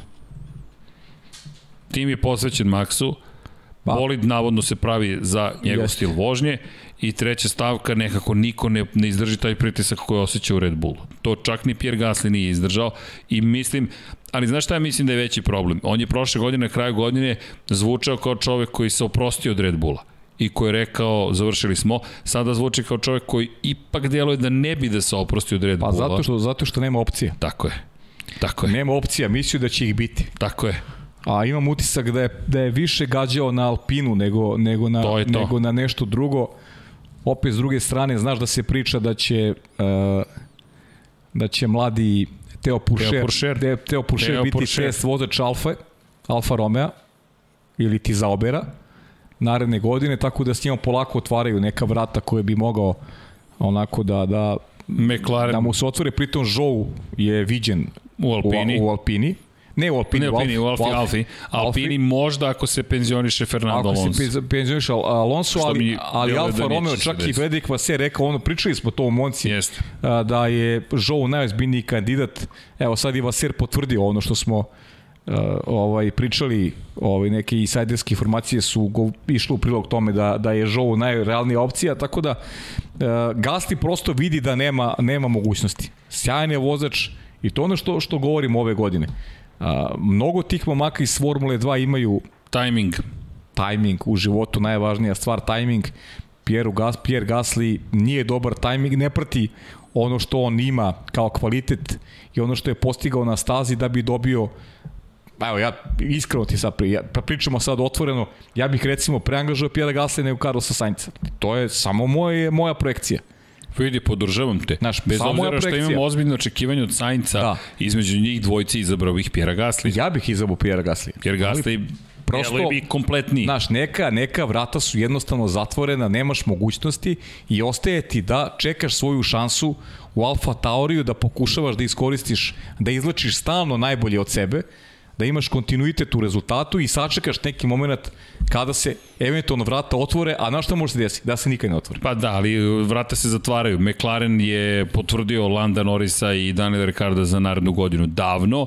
Daniel Ricardo ovom pobedom bojim se da ukoliko njegovi rivali žele to mesto, će teško doći do te pozicije. Pa, mislim, kako? Pazi, pobedio si u trkanju i deluješ ponovo raspoloženo. Mene zanima Daniel Ricardo u Rusiji. Mislim da će Norris sada odgovoriti, ali ne da će, da će mnogo zaostajati Daniel Ricardo. Naprotiv, a onda dolazi 2022. potpuno novi bolid koji otvara vrata svima potencijalno. Daniel Ricardo, mislim da će biti žestok, super agresivan naredne sezone. Srđene, ko, ko Ko bi se pri zdravoj svesti odrekao Daniel Ricardo? Ne znam. Sada Znaš, pogotovo. A, a generalno. To je... A pridek sada, imaš ne, pobedu. Nema razlog, imaš, imaš vozača koji zna sve. I onda, kada pogledaš ka Mercedesu, imaš koga? Imaš čoveka koji je potencijalno odlučen. George Russell je dobio svoj ugovor, pri čemu Mercedes ima druge opcije koje će radije iskoristiti nego da dovede Pjera Gaslija, koji dolazi iz Red Bulla. Pri čemu, ajmo dalje, Lewis Hamilton ne znamo šta će, naravno da Lewis Hamilton šta god da odluči, dobiće. Ukoliko želi u Mercedesu da ostane, ostaće u Mercedesu. To je sedmostruki svetski šampion. Juri stotu pobedu čovek. Da ne zaboravimo i to, i on juri stotu pobedu, može da se desi baš ovoga vikenda. Hamilton dok god bude bio raspoložen i bude želeo da se bori za titul, osjećao tu strast. To Lewis Hamilton je taj koji bira. Tako je, pa najbolji, najuspešniji vozač, nema tu... Pre, pričali u prošlom podcastu, šta je merilo vrednosti? titule, pa, broj pobeda, to je to. Nema, tako je, nema šta se polemiša tako tu. Tako se imenovalo. Lewis Hamilton je taj koji diktira ono što se dešavati u budućnosti. Ako on bude hteo da vozi, vozi. O, to je to. I onda nema, dolazimo nema do priča. Red Bulla već tu sam skeptičan da li uopšte treba da bude u Red Bullu. Iskreno, vrlo sam skeptičan da mu je to potrebno. Mislim da mu karijera neće napredovati zahvaljujući tome što će doći u Red Bull. Samim tim što će doći tek 2023. eventualno ako dobije ponudu. Pitanje je šta će mu to, ali okej, okay, ali to kažemo to je najveća opcija neka pozitivna. Ajmo Alpinu. Probaj da gledaš, probaj da, gleda, da gledaš iz pozicije Red Bulla. Šta ako Sergio Perez nastavi sa ovim pa. trendom loših rezultata i sledeće godina ponovo bude kritična. Šta je, šta je Red Bullov izbor za, za vozača broj 2? za 2023. godinu. Pa izvini, mislim da se mnogo lepo nametnuo izbor za 2023. godinu upravo potpisom koji smo videli, a potpis se zove Alex Albon i Williams. Alex Albon se vraća u Formulu 1 kakav god da je odnos i koliko god da su ugovore o poverljivosti podataka morali da potpisuju da vode račun o tome šta će znati o Mercedesovim pogonskim jedinicama, Alex Albon se vratio u Formulu 1 i on je veoma brz vozač, bez obzira na ogromnu podršku talentskih sponzora, konkretno Red Bulla. Red Bull je većinski talentska kompanija, iako je austrijska, 51% pripada porodici koja je zapravo napisala prvu formulu. 51%, 49 prvi, jedan, prvi osnivač, 49 Matešić i sin osnivača ima 2%. I Tajland naravno da želi da, da vidi Alex Albona, ali ako, ali ako pogledamo Alex Albona, Alex Albon se naredne godine vraća i tu ti je na raspolaganju ti je. Ako ne želiš da ti niko uzdr, da ti bilo ko uzdrma ili uznemiri Maxa Verstappena, ti biraš njega. Albon, prva sezona, dakle u Alfa, u, u Toru Rossu u to vreme, prilično dobar. U Red Bullu 5. 6. 6. 5. 4. 5. 5. 14. 6. Druga sezona, pazi ovo, 13. 4. 5. 8. 5. 8. 8. 6. 15. 3. 10. 12. 15. 7. 3. 6. Četvrti i sad, ajmo da pogledamo Serhije Pereza ove godine. Serhio Perez 5. 11. 4. 5. Četvrti pobeda, 3. 4. 6. 16. nije završio, 19. 8. 5. Da, vidim. ali, ali evo sad ću ti, sad ću da, da ti ovako iznesi jedan drugačiji pogled. Uh, Alex Albon svako neće da uznemiri uh, Maxa Verstappena. Ne može da ga uznemiri. Ne može. Da li može i Pierre Gasly da ga uznemiri? Da ga pobeđuje kontinuitetu? Mislim da ne može. Ali šta može Pierre Gasly? Pierre Gasly može, za razliku od Albona, da ti donese konstantnu bitku sa, sa Russellom i sa uh, Mercedesom generalno. Može ti pomogne da osvoji šampionsku titulu. Jer Red Bull ne sme se više dozvoli moment u kome što Gasli, što Albon, e, gube trku od Maxa Verstappena za ceo krug. Ali Pa evo. To ne mogu sebi dozvoli. Ali, evo sad A Pierre si... Gasly je stasao umeđu vremenu. Mislim da je ipak veći potencijal Pierre Gaslija za ono što su potrebe Red Bulla. Ali, izvini, slažem se, međutim imam amandman. Izvoli. Ko, hvala. Ko, niste davno rekao hvala. E da, da nisam davno rekao like, udrite like, udrite subscribe, ljudi, udrite lajkove, to je uvek lepo ko može da parira kombinaciji Hamilton-Russell? Ko je vozač koji će da bude na nivou Georgea Russella kao nezvanični vozač broj 2?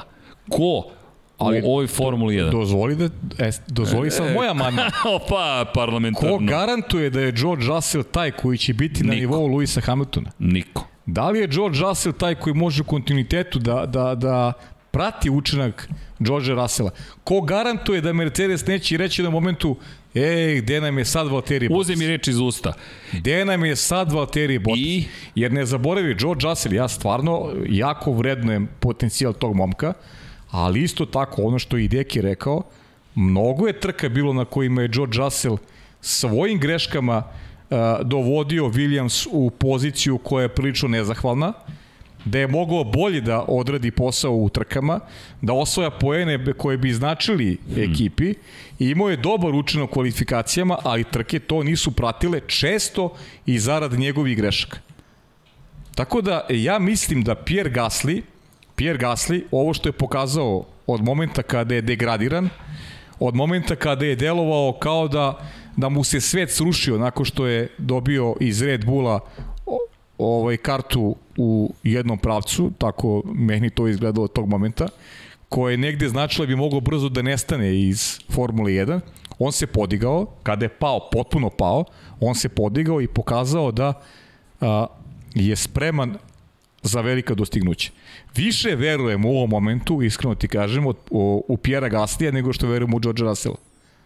U, stvarno. Jer Pierre Gasly ima nešto što Russell nema ima pobedu u šampionatu, ima jedan kontinuitet koji mu je e, koji ga je stavio u poziciju vozača sa jednim onako vrlo ozbiljnim e, e, namerama, sa vrlo e, ozbiljnim rezultatima, konstantnim za jednu osrednju ekipu koja ima podršku Red Bulla, ali realno osrednju ekipu. Jeste. Osrednja ekipa, pazi, Williams kako god da je, Williams je velika ekipa. Veliki tim. Veliki, veliki. tim, veliki tim. Jedan od najvećih u šampionatu Formula 1 A šta je Alfa Tauri? Jedna mala ekipa. Pa to je Minardi. Koja ima podršku Red Bulla, ali realno mala ekipa. Pa Minardi.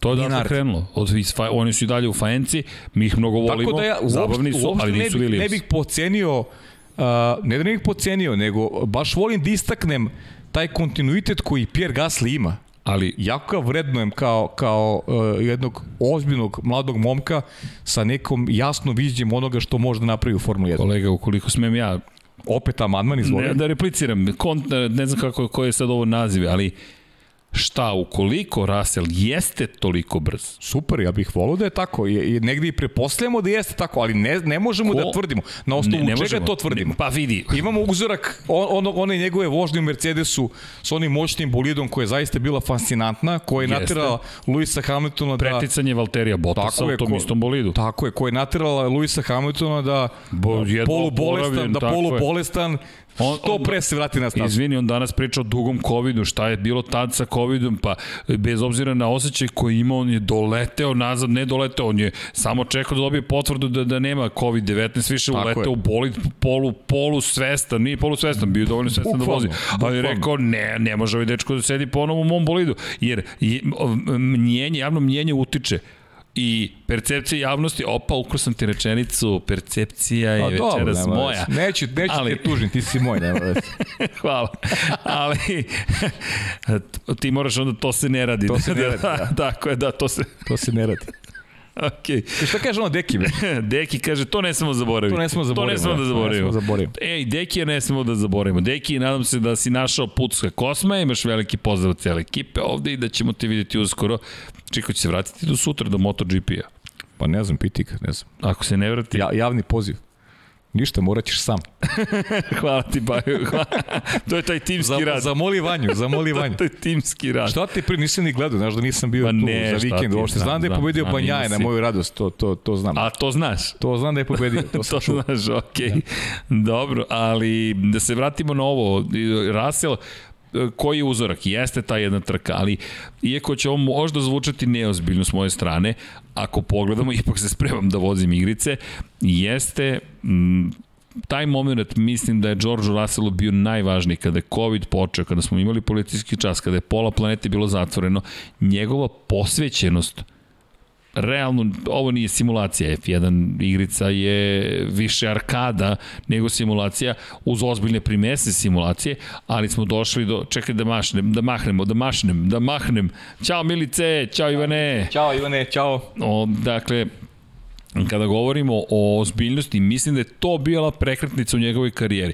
Delo je to možda neozbiljno, nije neozbiljno, mi, nama je prelepo što možemo da sednemo s vama, podelimo i pa i našu radost da, da vozimo nešto i da prikažemo stazu iz jedne druge perspektive legalno, a s druge strane, George Russell je to u momentu kada Williams može da sanja jedan jedini poen, kamoli da će sedeti u Mercedesu i menjati Luisa Hamiltona, prilika da se na javnom, na jednoj sceni predstavi kao vozač koji ipak možda zaslužuje da se malo više priča o njemu i seda u taj virtualni kokpit i pobeđuje uglavnom i skreće pažnju na sebe. Kaže, možda zvuči neozbiljno, ali nije. To mi negde govori o njegovom načinu na koji pristupa stvarima. Slažem se s tobom, nije me 100% uverio da je on taj, Lewis Hamilton je postavio takav standard da se smatra da svako može da sedi u njegovom bolidu i da pobeđe. Ne, ne, ne, ne može, to su, to su, to će to biti su, super priče. sada test. Ali, izvini, dve stvari. Prvo, slažem se s tobom da, da je Pierre Gasly pro, proživeo mnogo više nego, nego što je George Russell. Pod jedan, vozio je u Red Bullu, osetio je pritisak taj ekipe tokom makar polovine godine. Nije isto voziti... Nije jednu trku i biti showman u trenutku kada te podržava cela planeta yes. i sedeti po ceo dan i raditi i imati preko puta svoje garaže Maxa Verstappena ili, ili Luisa Hamiltona. To je potpuno to. druga dimenzija. To je to. Evo, Valtteri Bottas je jedva preživeo ovo iskustvo, a Valtteri Bottas je bio šampion Grand Prix tri serije, bio na pobedničkim postoljima u Williamsu, izuzetno uvek bio brz i talentovan i jedva je, jedva je progurao ovo petogodišnje iskustvo u Mercedesu. Kako? Osedeo čovek, tako yes, je. To yes. nije jednostavna stvar. I dodao bih još jednu stvar, to je amandman za, cel, za ceo sto ovde i za celu ekipu. Ljudi, pošto smo sad samo nas trojica, ovo je the original OG team, dakle, kada govorimo o ne, ako Mercedes, a i mi, Mercedes zakuka za Valterijem Bottasom, a i mi shvatimo koliko je Bottas bio brz, hoćemo da napravimo jedan specijal, kažemo, Valterio Prostina. Hoćemo, ja sam ga nazvao Ikebanom. Dogovoreno. To je, ja sam ga nazvao Ikebanom. Ja ali sam, mi volimo da budemo zašto, pravični. naš, zašto sam ga nazvao Znam, Ikebanom? zato što si hteo više od pa njega. ne, zato što sam ja njega, ko sam ja da njega pocenjujem? On, mm. on je čovjek vozač Formula 1. I svako je vozač Formula 1, on je genije. E, to su momci koji su ostvarili svoje životne snove i njima kapa dole, to su to su majstori svog zanata. Ali Valterija Bottasa sam ja očekivao mnogo upravo zbog tog razloga koji si ti navio. Zajedno smo Ma, komentarisali trke, i danas, patimo trke, za time. Grand Prix trojke i patimo za tome, jer smo videli u njemu budućih šampiona. Mislim, ja sam u ovo novije vreme, pa, posle Ayrtona Sene, čovjek koga sam najviše voleo, to je Kimi Rekonen, evo ja sad to mogu da kažem, to je Kimi Rekonen i neka karizma, neki, ne znam. Ne, da, pa imaću, ba, mislim, majice je moje Ne da nam sigurno. Dom Pablo. majice je moje sigurno, jer to je, ne znam, I, i nekako svi imamo tu neku slabost i, i zbog relija i, i, i zbog kimija Ma zbog svega. prema finskim vozačima. Ja mislim da je to najpopularniji mrg od svih vremena. Jeste, jeste. To je, ne znam, čovek neponovljiv. I znam šta mi je, evo sad, za, za, dve, za dva dana, by the way, godišnjica smrti Srđana Sulejmanovića, Jeste. dragog prijatelja Sukija, Suki. brata, mogu tako da ga nazovem, stvarno jedan, jedan genijalac, koji je godinama bio ovaj, uh, uz Formulu 1. Ja znam njegove priče vezano za, za te kontakte sa vozačima i koliko je poseban bio u tim nekim odnosima Kimi Rekonen, koliko se odvajao od, od drugih i, i čak i u trucima kada je malo govorio i bio je neko neposredan, imao je neki neki neki svoj pristup svemu. Od, od, od, od smo sada od Valterije Bottas na Kimi, ali hoću da kažem koliko smo negde e, za tu neku e, finsku školu vozača i Mika pre toga Hakinen. Mika Hakinen i koliko su obeležili Formulu 1, ja sam stvarno Bottas se video negde tog legitimno to, naslednik. Tako je, to. to je to. Momak koji, A onda koji dolazi. Miku Hakinena koji je drugi vozač Mihajlu Šumacheru. Da, mislim, Ne, ne, mogu, neprihvatljivo. Ne, neprihvatljivo. Možda smo zato to lično možda pa, lično, ja jesam doživio lično, stvarno. Pa i ne to, samo ti. I to nije, mo, nije taj, ja taj moj izraz. Bolji. Kažem, ljudi, zar stvarno misli da sebi dajem za pravo da, da nekog pocenjujem? Mislim, ne, šta, to su vozači Formule 1. To su vozači Formule 1. to, to samo prosto moje, moje razočaranje, jer sam mnogo yes. očekivao od, od Valterija, yes. ništa više. I to je, sve se svodi na to. Pazi ova imena. Pierre Gasly, Stoffel Van Dorn, Jolion Palmer, Fabio Lemer, Davide Valsecchi, Roman Grožan, Pastor Maldonado, Niko Hulkenberg, Đorđo Pantano, Timo Glock, no. Da. Lewis Hamilton, Niko Rosberg. Za one koji ne znaju... Šampioni dvojke. Grand Prix dvojke. Grand Prix 2 serije. Pierre Gasly je šampion Grand Prix 2 serije. To je sada već zaboravljeno takođe. Često spominjamo Charles Leclerc osvojio Formulu 2 koja je nasledila Grand Prix 2 seriju, pa je osvojio Grand Prix 3 seriju koja je kasnije postala to, Formula 3. To je isto radio i George Russell. Tako je. Osvojio dve ali, godine i trojku i dvojku. Ali Pierre Gasly je takođe čovek osvojio titulu. Yes. U Formuli 2. Pierre Gasly nije tek tako završio u Formuli 1. Nije to neki momak koji ne zna šta treba da uradi. Naprotiv, izuzetan vozač. Zato kažem, ko zna šta to može. Ali okej, okay, epopeju ispričali smo zasluženo, Naravno. reću zasluženo Pjeru Gasliju, zato što zaslužuje. I sad, to pitanje da li treba bude tužan, pa, nažalost, mora da bude tužan, jer pa je sve objasnio i to su naše misli. U, u, u, u kosmičkoj smo vezi. Ma i super što ima stav, to, je, to mi se sviđa, ima stav. Hoće da voze bolju ekipu i Tako priča je. o tome. Ne li bi se da kaže. nema gde. Nema, nema gde. gde. Nema gde. Ajmo ovako. Williams postane bolja ekipa, ti nisi trenutno u poziciji da odeš tek tako Williams. Još. Jo, ajde, Nad, nadamo se da će Jost Capito to, tu, tu ekipu dovesti do tog nivoa, ali u ovom trenutku tamo nisu otvorene vrata. Alpina, to je zatvoreno. To, to je, mislim, najveća njegova bol, što je Alpina yes. zatvorena. Pa zatvorena i zbog, i zbog Teo Puršera.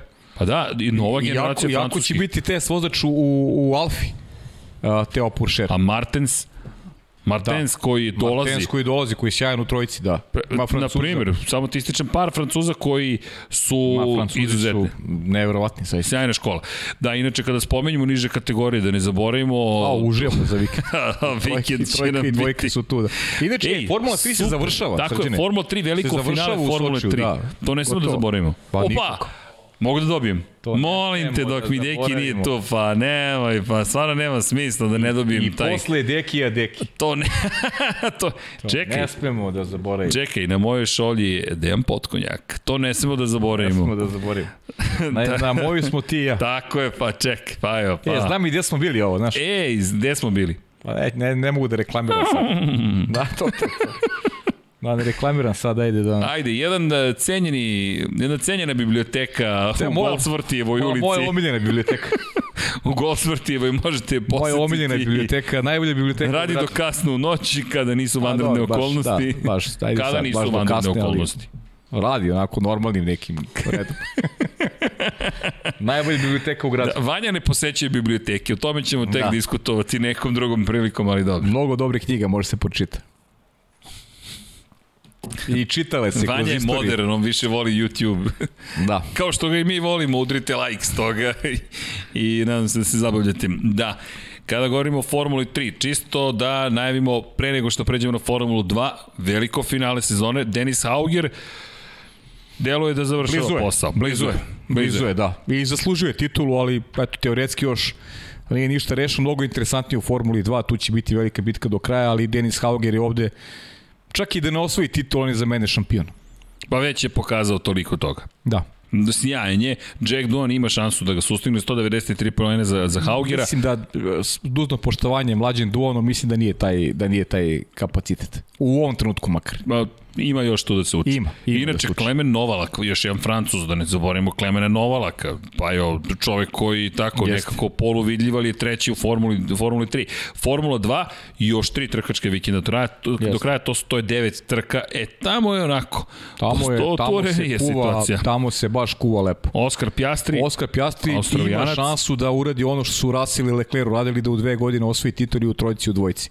Australijanac, eto kad gledamo tim potencijalima, Australija je ozbiljno tržište, Australija očigledno da je pojava Marka Webera zainteresovala ne samo Australiju, nego i Novi Zeland nudi neke vrlo interesantne vozači poput Lawsona recimo, Tako da je to zanimljivo tržište i odlični rezultati koje postižu tim nižim pratećim kategorijama. Verujem da će se nekom od tih mamaka otvoriti u budućnosti vrata u Formulu 1, pogotovo Oskaru Pjastriju koji eto, i sa rezultatima onako jasno pokazuje namere za, za neku blisku budućnost.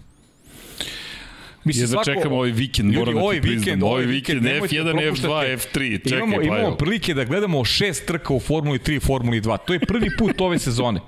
Dakle, obavezno Pazi. se zakucajte u Sport Klub HD i uživajte. E, nema ništa drugo. Znači, Formula 3, Formula 2 i Formula 1.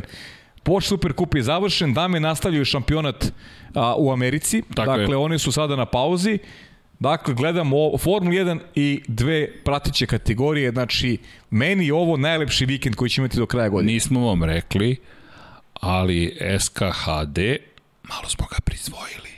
Da, pa, Malo smo više prisvojili, tako da... prisvojili smo ga maksimalno. Tako je, tako da, da eto, kako ne, fiksirate na SKHD. Nemojte uopšte da, da, ne da, nemojte se. da, da ovaj, zbog toga protestujete naprotiv.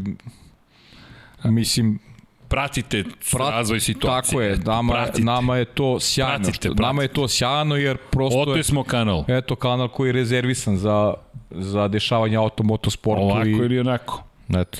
Da, inače, pozdrav svima i koji prate trke sa nama kada je reč o SK 4K, u 4K, samo da napomenem, dosta pitanja dobijamo tokom vikenda zašto nema treninga 1, 2 i 3 u 4K. Ne postoji produkcija u Formuli 1 u 4K treninga 1, 2 i 3. Toliko je skupo producirati sadržaj u 4K da čak ni Formula 1 nema treninge 1, 2 i 3 u 4K. Da znate, kvalifikacije su prva stvar koju će proizvesti produkcija da stvoriti signal 4K i poslati ga nama. Tako da čim bude 4K, mi ćemo to prikazati. Naravno. Tako da znate, kvalifikacije trka u 4K. Što se tiče Moto Grand Prix-a, 4K još nije dostupan u šampionatu. Razmišljali su o tome pre dve godine, prošle godine planirano da se uradi test, došla je, nažalost, pandemija, odustali su od toga, nema. Biće. Biće, MotoGP je investirao mnogo više novca u zvuk, bavili su se zvukom pre 3-4 godine, su potpuno novu ekipu na globalnom nivou angažovali da unapredi zvuk i to im je bilo kritičnije od 4K, tako da eto da znate za SK 4K šta se događa. A da se vratimo mi F1, kada reč o F1, ima tu još mnogo bitaka zanimljivih, nismo ih svakako zaboravili, Fernando Alonso, Esteban Ocon i Alpina, ej, Fernando Alonso, Pajo, Pa komentari su sada već izlišni, Izlišni su, kažem ti, a ja sam već isticao, čekamo sam. pričamo iskreno, ti ja u ovom podcastu, ti si verovao Alonsa, ja nisam baš bio toliki optimista, ali sve ono što se dešava, eto, potvrda da neko koji je ulazi i u petu deceniju, imao je jasnu viziju onoga što, što podrazumeva njegov povratak, e, sjajna izdanja, nekoliko perfektnih trka koje onako su negde i naliči onoga što je što je generalno njegova karijera, ona je definitivno velika. Tako da Alonso iskreno sada, posle onoga što sam vidio ove godine, očekujem još boljeg Alonso naredne sezone. Sa nekim pa ne mogu kažem iskustvom koje je ove godine stekao, nego pristupom i, i, i e, navikama e, stečenim u ovoj godini nakon tog povratka a, sigurno i on onako dovodio sebe u poziciju da neko ispituje konkurenciju, da, da e, negde ponovo se suočava sa tim da a, a, prepoznaje stilove vožnje, momente kako će ko reagovati na stazi. Sve, sve to neki period i nekog njegovog novog privikavanja na, na jedan ambijent koji je za njega relativno, pa da kažem i novi u Formuli 1, s obzirom na tu pauzu koju je napravio. Međutim, E, dolazimo do onog starog, ko zna, zna. I prosto Alonso je, Alonso je veliki i kapa dole za učenje nove godini. Stvarno očekujemo njega da napravi i dodatni iskorak u prevodu očekujem da ga u skorije vreme vidimo i na pobjedičkom podijumu. I kada spominješ pobjedičko postolje, Dom Pablo, Dom Pablo živi u studiju, čak i kada da ni tu, piše mi, nemoj da zaboraviš Filipa Jenića i njegovu Aha. treću poziciju. Ej, ljudi, da, to da, su jest. fenomenalne vesti. Filip Jenić, momak iz Srbije, koji je u šampionatu Formule 4 španskom, osmi u drugoj trci, u Španiji ovoga vikenda, treći je bio u trećoj trci, u prvoj trci 11, na stazi Ricardo Tormo u Valenciji, startovao drugi, završio treći, tako da prvo pobedničko postavlja ove godine za Jenića, 14. u šampionatu u debitovo ove godine, ali aplauz, eto, to je neka naša nada da će se stvari neke desiti, da može do Formule 3, to bi bilo spektakularno. Onda, ko zna, stvari se otvaraju. Pa pazi, mislim da bi ulazak u Formuli 3 bio spektakularan, zaista. To je neverovatno nešto. Tako da... I iz ove, iz ove vizije pogleda na, na ono što što pratimo tokom ranijih godina, ulazak u Formulu 3, koliko je prohodnost tu generalno teška. Realno teška, pogotovo za, za vozače svojih prostora, pa ne znam, kada smo imali tako nešto još, još od Miloša Pavlovića? Pa vrlo je teško, novac koji je neophodan je enorman i kad neko kaže dobio si 250.000 evra za budžet, to nije ništa. To vam je ogroman novac koji vas nigde neće dovesti. Bukvalno, pa. ogroman novac koji se nigde neće dovesti i mnogo veće sredstva su potrebno, ali ok, polako, jedno po jedno, jedno po jedno imamo i te neke naše snove, pa pa se svi zajedno borimo, ali mi ćemo, da je Filip inače trebalo, evo to mogu da vam otkrijem sada, trebalo je da nam se pridruži u studiju večeras, međutim da putuje iz Beča, tako da će kasnije doći u Beograd, studio nam se nalazi u Beogradu, tako da čekamo Filipa, ukoliko se ukaže prilika narednog vikenda neće biti ponovo tu, međutim čim se ukaže prilika, Filip Janić biće u ovoj stolici ili nekoj super, možda četvrtoj, super.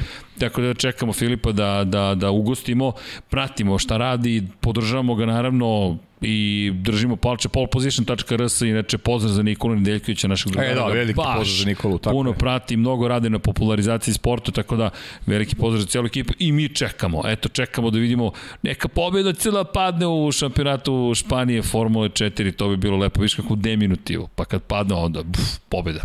Da, inače, Miodrag Kotor, koga smo spominjali tokom priče o Schumacheru, postao je baš ovih dana te fotografije kada je držao tu čuvenu tablu Mihajlo Šumahiru, sedmostruki svetski šampion, tako da pozdrav za Miodraga Kotora koliko nas sluša i prati i čestitamo na pobedi Denisa Fođe, Denis Fođa i Leopard Racing svašta rade u Moto3 kategoriji svetskog prvenstva, ali da se vratimo mi ponovo vidiš Don Pablo se samo pojavio i rekao Filip Jenić, ok, ispoštovali smo sve, naravno i pozdrav Ali ništa, Don Pablo čim šalje poruke nije ovde, ne prizne. Ne priznaješ? Ne. Ok. Čuli ste Don Pablo, vratite Don se. Don Pablo Ništa. Stvari su dosta jednostavne. Inače, kada pričamo o, o, o ostalim vozačima, mislim da ne sme da bude na poslednjoj poziciji Nikita Mazepin. Nikita Mazepin na domaćem terenu i dosta kritika je pretrpeo, ali mislim da će ovoga puta biti najzad u jednom pozitivnom svetlu, dolazi u svoju domovinu i držimo palče da će imati baš dobar vikend. Bilo bi lepo da vidimo Hansovce. Inače, postoji neka nada od velike nagrade Belgije, ekipa Hasa ima takozvanu olakšanu šasiju, mnogo je lakša ta šasija i rekao da je to nešto što je doprano njima da imaju mnogo bolji tempo u kvalifikacijama. Vidjet ćemo da li ćemo pomoći u Sočiju, ali eto, lepo je da ruski vozač nastupi pred domaćom publikom, pa možda i ostvari nešto pozitivno. Što se tiče njegovog klubskog kolege Mika Šumahira, pa i posle gledanja dokumentarca, inače mi smo pokušali prošle nedelje, malo nas je YouTube tu, ne krijem YouTube, ali nešto se desilo tehnički pa nam isekao stream na dva dela, ali smo gledali dokumentarac, to je neka vrsta companion stream, ajde tako da ga nazovemo. Mi gledamo nešto i komentarišemo, nemamo pravo da prenosimo ili da pustimo vama, ali možete zajedno sa nama pogodite time kod pa gledate. Mick Schumacher koji, eto, najviše otkrio u dokumentarcu o Schumacheru, neću previše da vam prepričam, ukoliko možete pogledati Netflixov dokumentarac, uvek je lepo kad god se dobije neka nova informacija, nam je dao prvu ozbiljniju informaciju o stanju Mihala Šumahera i rekao je da mu je žao što ne može da priča sa ocem, tako da je naša pretpostavka svih, cijele planete pa, Zemlje, da. da je stanje i dalje veoma teško. Nažalost, ali eto, držimo palčeve velikom šampionu da će se nekim čudom oporaviti koliko god znamo da je to gotovo, neću reći, neću tu reći, reći izgovoriti, ali koliko god da je to teško. Tako da eto, držimo palčeve i navijamo i dalje Te, za Teške su to priče, pogotovo jeste. govoriti sada u situaciji koju ne znamo ništa, ali jeste. Zaista, zaista je bilo šta reći na tu, na tu temu je prilično nezahvalno. Ovaj, skoro smo bili svedoci, ne znam, znate, prepostavljamo bojca onu priču o futbaleru e, Francuzu koji je preko 30 godina bio u komi, jedna greška lekara, čovjek koji je igrao, sad sam mu zaboravio ime igrao, čak i u reputaciji Francuske e, svoje vremeno, bukvalno je više od 30 godine bio u komi, skoro je sada preminuo, pa da, moguće čak i punih 40. Eto, to je treba bude jedna rutinska operacija, eto, pretvorila se u jedan, eto, nesrećan događaj je pilo koji je zaista, eto... Kako? Jean-Pierre Adams, tako je, Jean-Pierre Adams, eto, nažalost, preminuje posle toliko godina provedenih u komi. Od 82. Eto, od 1982. godine. A imao je lepo i budućnost, čak igrao, mislim da igrao u, u, u half liniji, da je, to je inače sjajna generacija e, Francuske koja je igrala polufinale svetskog prvenstva u, u, u, u Španiji 1982. godine kada su poraženi od Nemačke, on je trebao da bude na, i, na, i na tom mundijalu Jean-Pierre Adams, ali eto, nažalost, izgubio bitku posle, eto, koliko? 30 i kusur godina u komi.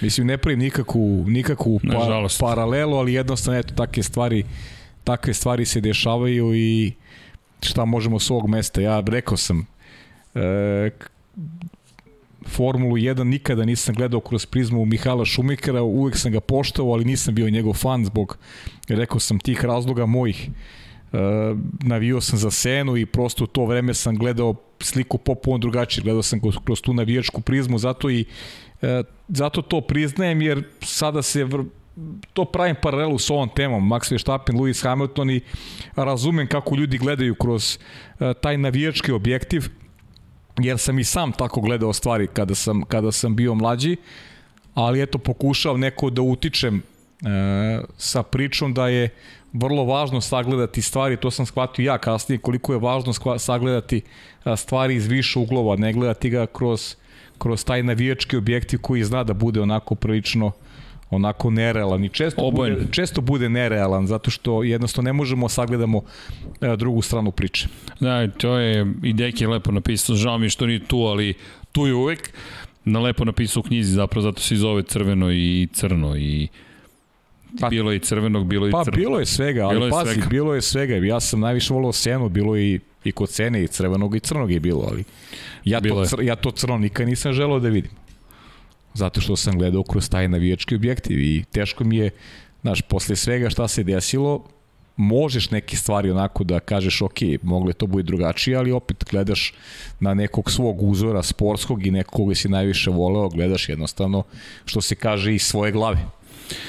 Da, inače, kada pričamo o dokumentarcu, pokrenuo je opet pitanja, kakav god da je, dopao vam se ili ne, opet je lepo vidjeti da je takav šampion dobio ponovo pažnju javnosti, da je Formula 1 svakako ponovo dobila pažnju javnosti i verujem da će toga biti još dosta. To je srđene, pazi, mi moramo da pričamo, ja rekao sam, ako je nešto reper uh, učinka nekog, u konkretnom slučaju vozača, to su rezultati. A sedam titula, broj pobeda, to jasno govori o tome kakav je, kakav je to vozač. I to je nešto što nikad niko ne sme da stavi ad akta i da kaže ali. Nema ali. To je, to su, to su fakti, to, tu, tu nema, nema, nema polemisanja oko toga. Jer šta može drugo da definiše pojam a, najvećeg, a, uspešnog, kvalitetnog nego rezultat? Mislim da ne može svako da, da, da pa, napravi tako nešto jednostavno možemo da pričamo o drugim stvarima, e, okolnostima, sreći, ne znam ja čemu. To, to, je prič, dana... to je priča o Luisu Hamiltonu, znači može, mogu ljudi da ga vole, da ga ne vole, ali ono što je on napravio kroz uh, svoju karijeru vozača Forme 1, to je nešto fascinantno i to je nešto mora se poštuje. A to da li postoji neki lični amunizitet i da li postoji nešto se zove uh, ne volim ga, antipatičan mi je zbog ovog ili onog, to je već stvar nekog ličnog uverenja. Pa dobro, to, to uvek vidimo, jednostavno i ove godine koliko je za, protiv, kontra strane, kako su se podelili, to je sve deo zabave, sve deo sporta, ali u svakom slučaju ja sam srećan što smo se podsjetili nekih stvari. podela, zato što znači da je postoje prvenstvo emocije. interesantno i postoji emocije. Postoje emocije. Bukvalno, baš tako. Znaš šta je meni bilo, to sam i rekao i Dekiju kada smo radili MotoGP, mene je početak našeg specijala Mihajlu Šumacheru vratio zapravo vreme koje je pripremilo Formulu 1 za dolazak Šumahera i kako je Šumacher i njegova era oticao na ono što je došlo posle i koliko zapravo neke stvari koje danas vidimo kao standard zapravo uveo Schumacher zajedno s Ferrarijem u to vreme, pa i drugi timovi koji pa, su u pa, to vreme stvarali Formulu 1. Pa ne samo to, kada pričamo o Schumacheru, to ono što smo govorili, Toto Wolf recimo, Toto Wolf je, je došao na, na gotov proizvod koji je napravio Ross Brown. A onda s druge strane imamo Luisa Hamiltona koji je povuka jedan rizičan potez, ali ajde kad pogledamo sad koliko je bio rizičan, jer imao je Mihala Šumahera, uh, on je seo bolid Mihala Šumahera. Koja je to privilegija bila za Luisa Hamiltona? Uh, Mihala Šumacher je razvio taj bolid. To je uh, ozbiljan doprinos Šumacherov za ono što je Mercedes danas. Jasno. On je pristao na to da bude deo projekta koji je neizvestan. Kao veliki šampion. Ej, slušaj ovo. Podrška. Werner Hefliger. Inače, ne znam da li znate, to je prva knjiga koju je uvezao Infinity Lighthouse. Uvezli smo 30 kopija. Werner Hefliger, statistika svetskog šampionata u motociklizmu od 1949. do 2020. zaključno sa prethodnom godinom. Pozdrav svima koji su kupili knjigu, tri knjige su prodate. Mi smo ovde vrlo transparentni, pričamo vam kako jeste. I Werner Hefliger imao neki dodatne troškove kada je slao u Srbiju. Šta, tri je velika brojka? Jeste. Pa šta? Super je brojka.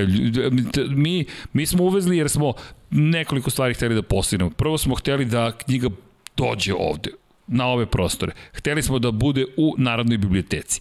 Hteli smo istovremeno da podržimo Hefligera. Istovremeno smo hteli da uvezemo knjigu, da vidimo kakav je cijel proces, da i mi naučimo u svemu tome šta se tu zbiva, kako se radi i da sve bude legalno, papirologije koliko hoćeš. Ali to je proces, mi hoćemo tako da funkcionišemo. I gospodin Hefliger je poslao knjige, međutim imaju neke dodatne troškove, kao i uvek FTMP, imaju dodatne troškove. Da. I mi smo upisali Evo, pre minut, mi, pre dva minuta mi stiže e-mail, vidim Herbert Hefliger, rekao, čekaj da vidim, ovo je e-mail koji ću da pročitam tokom da. podcasta, rekao šta se zbilo, i rekao, ne, ne, dodatne troškove ću ja da podnesem s obzirom činjenicu da ja želim da podržim vaš projekat. Sjajno. Hvala wow. puno. Pozdrav za gospodina Hefligera, evo iz studija na kraju univerzuma, tako da hvala mu na tome i rekao smo im, platit ćemo mi sve što treba mi da platimo, on je rekao, ne, ne, to je it's on me, nemoj ništa da brineš. Sjajno. Tako da eto, Sjajno. Don Pablo, eto da znate, Don Pablo mi rekao, piši, podsjeti čoveka, nemoj da ostanemo dužni. I rekao, neću Don Pablo, nemoj ništa ti da brineš. Glas razuma, Don, Don Pablo. razuma, ok, ako ti to tako kažeš. Ali dobro, Vanja, Vanja nešto mi odmahuje glavom ovde. Evo, Vanja, pusti mi Vanju sad. Ali da, elem, da eto, poneli smo malo emocije, pa smo otišli mi na još neke strane. Kada pa dobro, pa da javljamo to je normalno, pa ljudi. Pričali smo, ovaj, pa, pa obradili smo pa, sve što će dešavati u Sočiju, pa pričao malo i prosto nisam ni bio u onom drugom delu Šumahera, pa sam eto ostio potrebu ovo da kažem, jer kažem, da. kao neko ko nikad nije bio fan eh, Mihala Šumahera, jako, ne, ne, ne mogu da ne puštem ono što je radio za, za, za Formulu 1 i ono što je uradio generalno za, za ekipu Mercedes. Jer to je nešto ljudi mnogo zaboravljaju generalno. Njegov doprinos u razvoju Mercedesa Činjenica. kao tima. Činjenica. Uradio je nešto što možda nikad nećemo znati koliko je, ali deluje sa strane da je uradio dosta toga. Sigurno. Soči, da se vratimo na Soči, 53 kruga ćemo imati tokom same trke, da bacimo pogled na nešto što je nama zanimljivo, uvek u sklopu priprema imamo i tačku kočenja najsnažniju, provešćemo vas i kroz stazu, kroz virtualnu vožnju, ne stižemo baš još uvek da treniramo, ali smo sve bolji i bolji, polako li sigurno, vidite da osvežavamo studiju, stigle su nove ruke, vidite, manje Federa je u kadru, Vanja ja smo srećni, malo OCD nas, naš ispoštovani, tako, nije samo Vanja, da, da ne grešimo dušu. Ma, moramo se naviknemo malo. Samo, tako da. je, tako, malo ne mogu se pomeraju više. Da, ne mogu da, ono, kako meni odgovore. Nego Vanja nas je posadio posadio Mora da vrtim je ovde, sad... naš Vanja, ne. nauka, neka to, to, tehnologija to, njegova. Da, ali dobro. Vrti ovde, vrti onda. Deluje mi zadovoljno, pogledajmo osmeh. Pa da, Vanja, ćemo pogled na Brembovu, najsnažniju tačku kočenja i gde se ona nalazi? Na velikoj nagradi Rusije na stazi Soči u olimpijskom parku.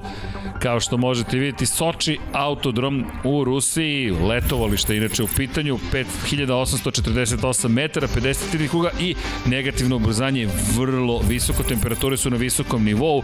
U krivini broj 2, to je inače prva zona kočenja, krivina broj 1 je samo blago skretanju desno koju upravo možete vidjeti u ovom bolidu Formule 1 pod oznakama Bremba prilazak tački koji će biti značajno u prvom krugu. 109 metara je zaustavni put, 1,85 sekundi vreme kočenja. Opterećenje na pedalu kočnice 144 kPa, negativno ubrzanje 6,1 sila zemljine teže i smanjuje se za 205 km na čas brzina. 2892 kW energije se oslobađa fascinantno je koliko je zapravo ovde zahtevno kočenje. 131 km na čas je konačna brzina, ali negativno ubrzanje je preko 6 sila zemljine teže. Mi pričamo šta, o... Šta reći?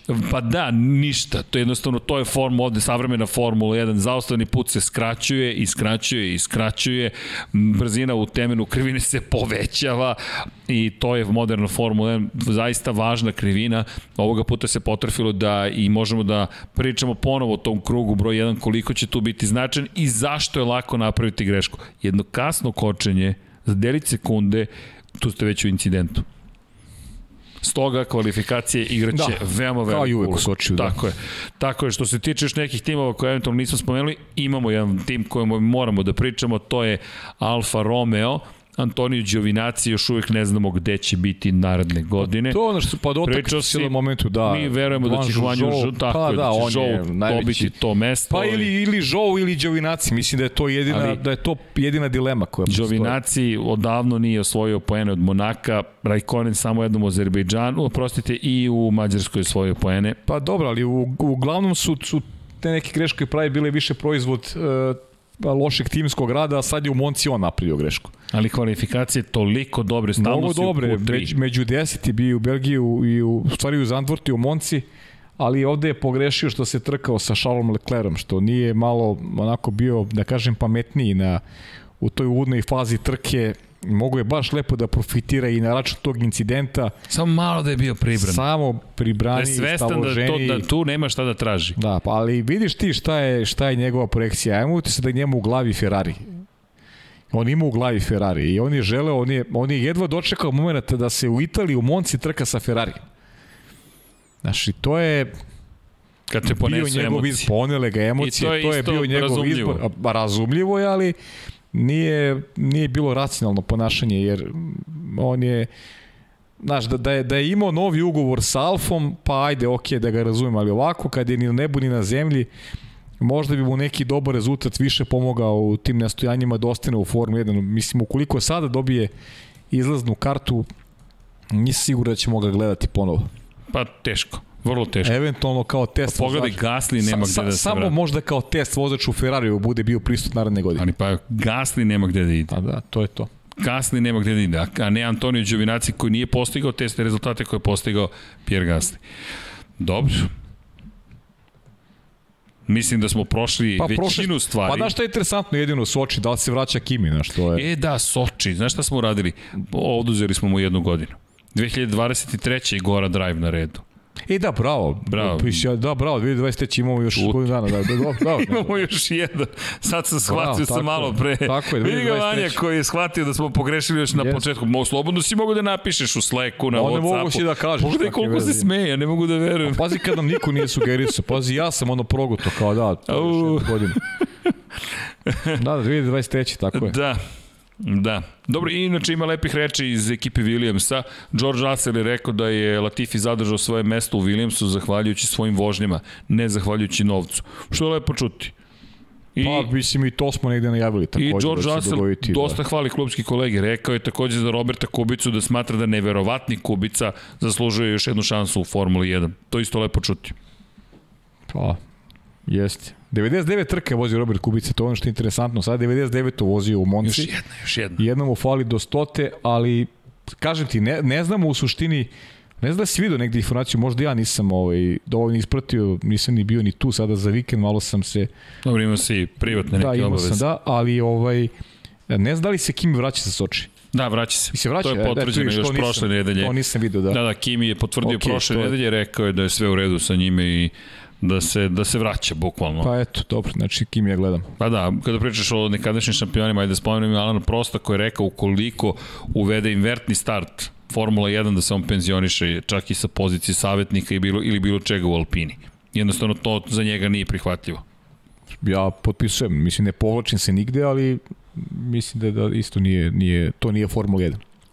Pa, to su već neka niža takmičenja, to ne tako treba je. Formula 1. Tako Ali dobro, Alan Prost, ma, svakako nema razloga da bilo šta bilo kome dokazuje koliko on kaže poštujemo profesora. Još jednog od rivala Artona Sene i ajde, ima tu još uvek, uvek ima nekih dodatnih vesti o kojima bismo mogli da pričamo, ali vratio bi se na, na nešto što, što je takođe važno, a to je pogledajte Tech Corner, zapravo Tech Tuesday, kako ga zove Formula 1, zašto ima lepa priča o, o Reolu i koliko je Real važan iz perspektive toga koliko je ljudskih života spasao u prethodnoj trci, spasao život Luisa Hamiltona i koliko stvari mogu brzo da nažalost bodu na neku pogrešnu stranu. Mark Hughes, Đorđe Piola, lepa analiza i eto to je nešto što bih vam toplo preporučio da, da bacite pogled. Tech Tuesday, odmah pre Lab 76, pa onda Lab 76. I to je to.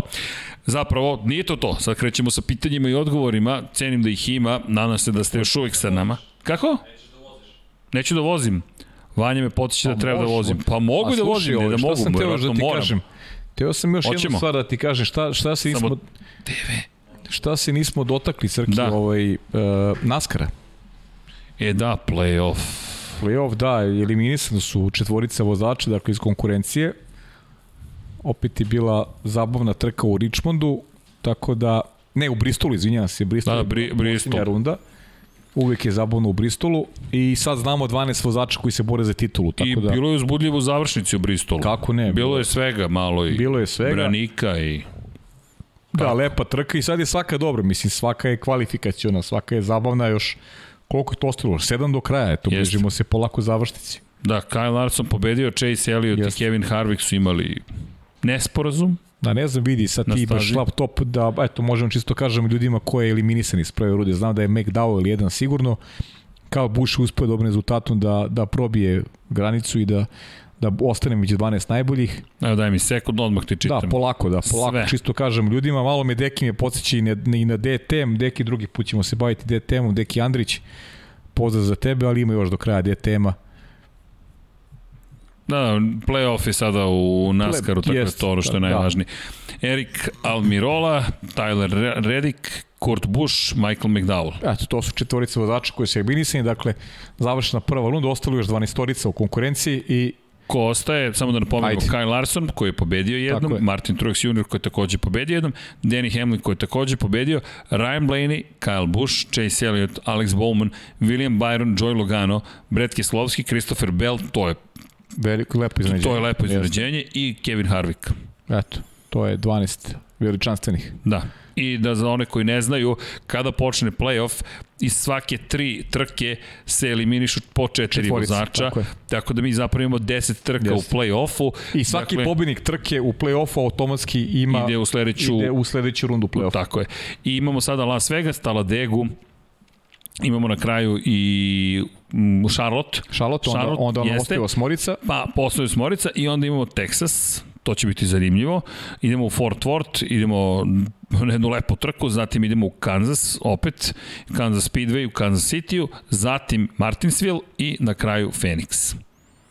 Phoenix koji zatvara sezonu. Posle Martinsville ostaju četvorica i ta četvorica u Phoenixu se bori za da, bori zanimljiv format. Titulu ko bude fizički najbrži, najbrži najbolje plasiran, najbolje da. plasiran to je trci, taj osvoja šampionsku titulu, sve se poništava, nijedan rezultat ne važi pre toga, dakle, ko fizički bude a, od prvi na stazi te četvorice te osvoje titul. Da, a imate 40 vozača na pisti. Yes. Svi ostali učestvuju u trci, ali Tako najbolji plasman od, od te četvorice donosi titulu. Možda nije pravedno, ali su Amerikanci napravili tako da bude neverovatno zanimljivo i Svakako Topla znate, preporuka da pratite ako niš drugo makar play-off na našim programima. Na e, programima do poslednjeg trenutka se zna samo da pokrenem ovde F1, do poslednjeg trenutka se zna da ćete se boriti, da će se neko od njih boriti, za, da će titula biti odlučena u poslednjoj trci. Bukvalno. I to je ono što je lepo videti.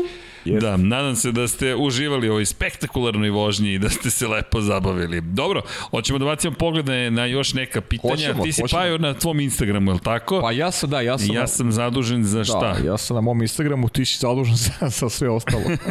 ne, okej, okay, polako, polako.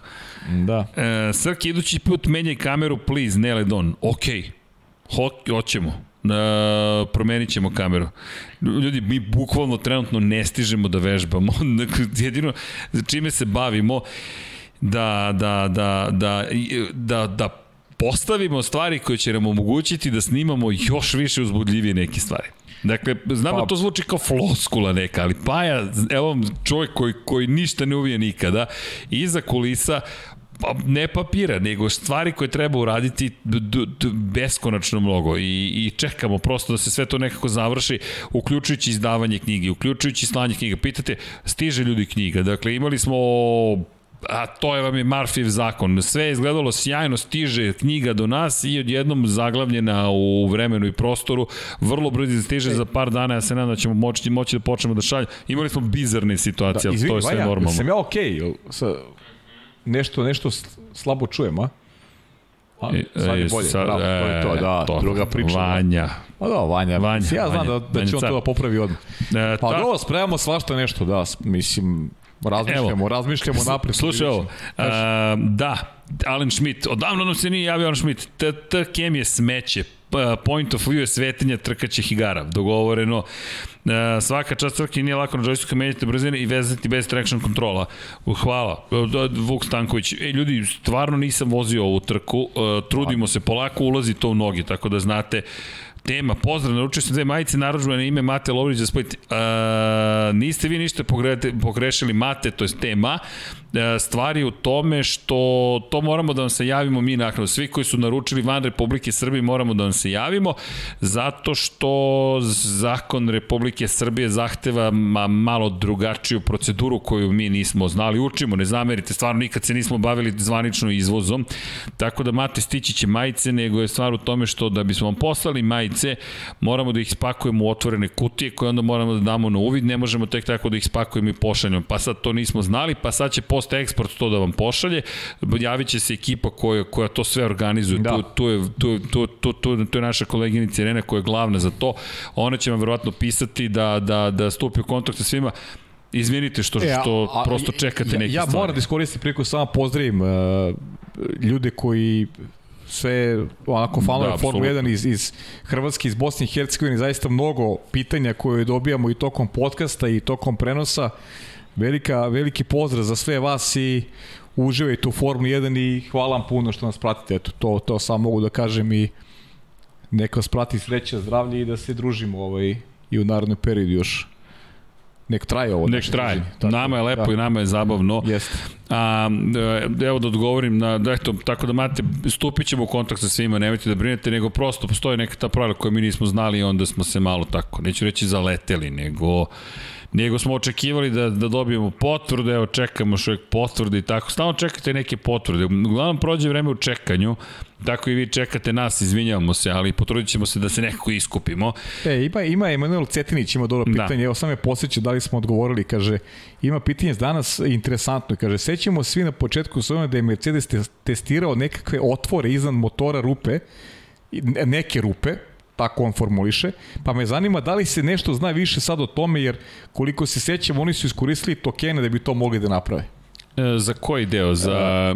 E, sećamo se svi na početku da je Mercedes testirao neke otvore iznad motora, nekakve rupe. On sad tako formuliše. A, pa, e, ako se me dobro sećanje služi što se tiče otvora iznad rupa, e, a, ako mislimo na plenum, ako mislimo generalno na, na deo koji se nalazi ispod oklopa, to jest koji se nalazi ispod oplate, to je deo koji su oni povećavali, to i nedavno je dosta priča o tome. Ako pričamo o plenumu, sad teško je sad razumeti tačno čemu pričamo, ali ako pričamo, zapravo to je komora i mi ako pričamo o mestu gde se u suštini, to su usisne grane, to, to, to je ceo usisni ajde da kažemo, sistem.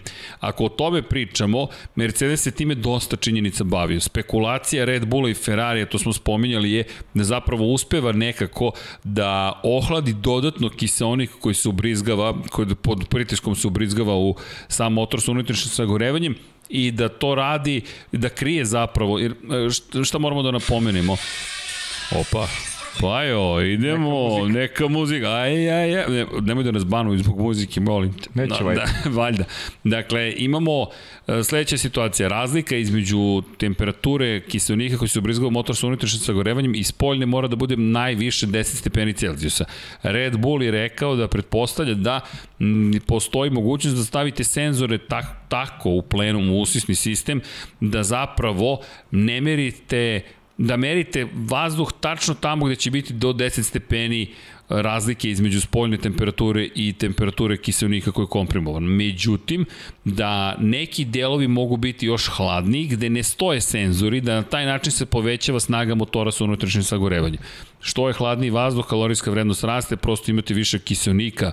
U sistemu kiselnik je to što gori zapravo. Mi gorivo koristimo samo da zapalimo kiselnik, tako i funkcioniše turbo sistem, turbina se pokreće time, time što izduvni gasovi prolaze praktično kroz turbinu, kompresor stoji na drugom delu osovine i kompresuje vazduh, to jest kiseonik pre svega kao najvažniji element u celoj priči sa gorevanju i to se ubrizgava, to, jest, to, to se ubacuje u, u, kroz plenum, usisnu komoru, ide u usisnu granu u, u komoru za sagorevanje i mi zapravo dolazi u cilindar i mi dolazimo do toga da mi zapravo spaljujemo vazduh, to jest to je ono što će eksplodirati na kraju i sad što hladniji, to bogatiji, to je jači motor, Tako da, eto, to je navodno nešto na čemu se radilo. Sad, da li na to mislite, ne znam, ali eto, nadam se da sam uspeo nešto da odgovorim. Vidjet ćemo, će da govoriti. Tako je. Marko Karan kaže, koja mi je čast da sam iz grada iz kog je Miodra Kotura, pitanje da li ćete moći da ugostiti Miodra u jednom od narednih Lajova pozdrav. Pozdrav i pa, tebi, Marko. Držite nam palčeve, gospodin Kotor je uvijek bio divan i predusretljiv i neko ko je pun razumevanja. Mi kada reč o gospodinu Kotoru, prosto se nadamo da će se ukazati prilika da kada bude u ovim, na ovim prostorima, ovim krajevima, da nekako nas poseti, s obzirom na činjenicu da čovjek vodi tim svetskog šampionata Moto, Moto3 kategorije, prosto je obaveze, jel te, koje podrazumevaju da je na stazama širom sveta, tako da ukoliko se ukaže prilika kada bude odlazio, kada bude dolazio na ove prostore da, da ga ugostimo, verujte, ne čast, bit će nam ogromna čast, ogromno zadovoljstvo, jer sa gospodinom Kotorom možete da pričate o mnogo toga. On Ljudi, je a verujte, popuno je drugačija dimenzija razgovarati s nekim uživo ili raditi to nekako putem nekog da. video bima ili na taj način bilo bi lepo zaista da ugostimo i, i trudit ćemo se da te neke ljude koje možda možemo da vedemo ovde da, da priuštimo i sebi i vama tu vrstu zadovoljstva da budu onako tu sa nama prisutni kako bi razgovor bio onako i prihvatljiviji svima, jer mislim da je popuno drugačija dimenzija kada se razgovarate s nekim, a, a, a nije pristojno. E, za tebe lično pitanje, David da. mi pita, pozdrav produkciji, zanima me koji je omiljeni vozač u Formula 1 srđenu mislim da vozači iz svih vremena, pošto ti već rekao da je to Ayrton Senna, pa eto, ba David pa, to očigledno nije čuo ranije. Da, da, moj je nekako na, na kraju Nigel Mansell postao, brka mi je ne, izrazito, izrazito bio drag, ako mogu nekoga da izdvojim iz svih tih vremena, to bi bio Nigel Mansell. Pro, tu, se, tu se Deki ja baš ne slažemo. Deki nije baš neki miljenik, to je nije mu miljenik, baš pretrani.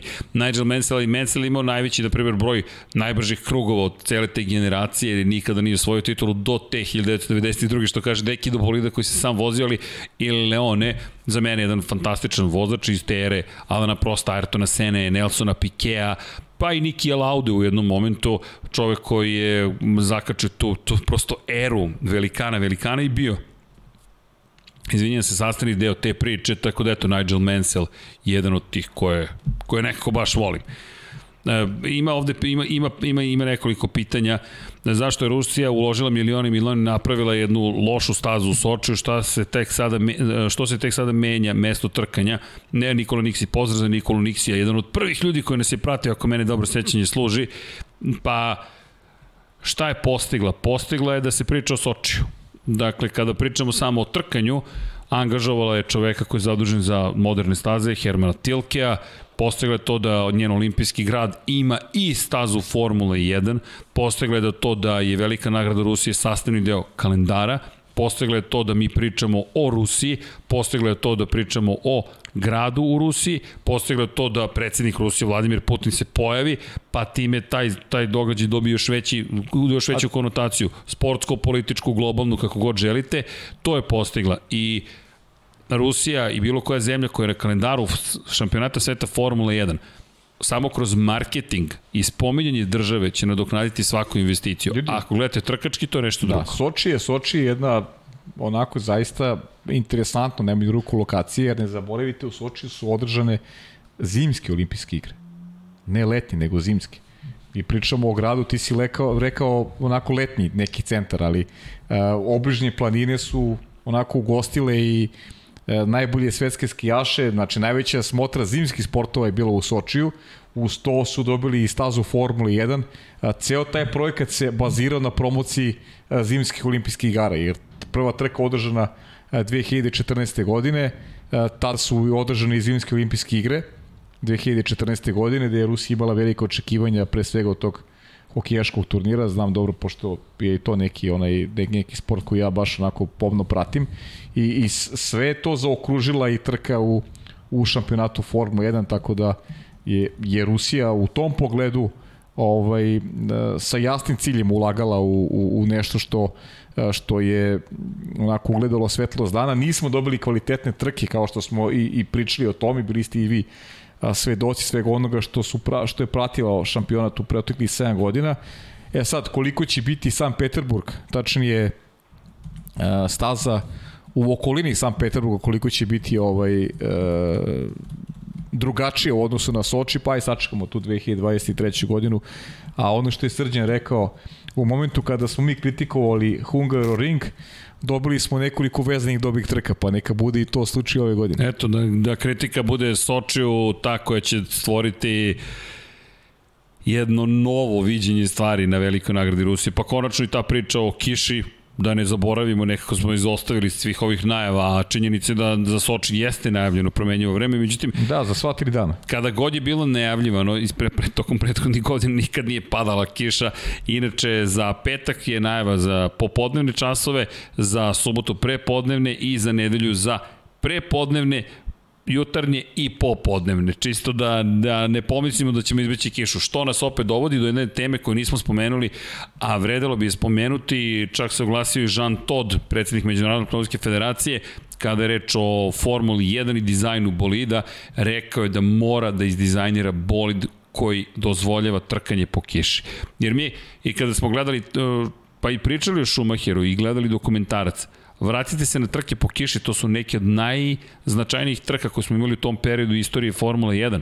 Njegova prva pobjeda u Ferrariju po kiši, danas se ta trka ne bi ni održala u uslovima u kojima je tada vožena, a to je kultna trka Mihaela Šumahira, jedna od Ayrton Sena, nikada ne bismo imali kišnog čoveka da bolidi i gume nisu dozvoljavali trkanje u tim uslovima. Tako da Jean Todt je jednostavno rekao da je neophodno time se po, po, pozabaviti prosto neophodno je nešto učiniti po tom pitanju i ono što je i rekao kada je reč o SPA, na primjer, da tu je najveći problem, zamislite da se desilo da, da je došlo do incidenta i da budu povređeni vozači.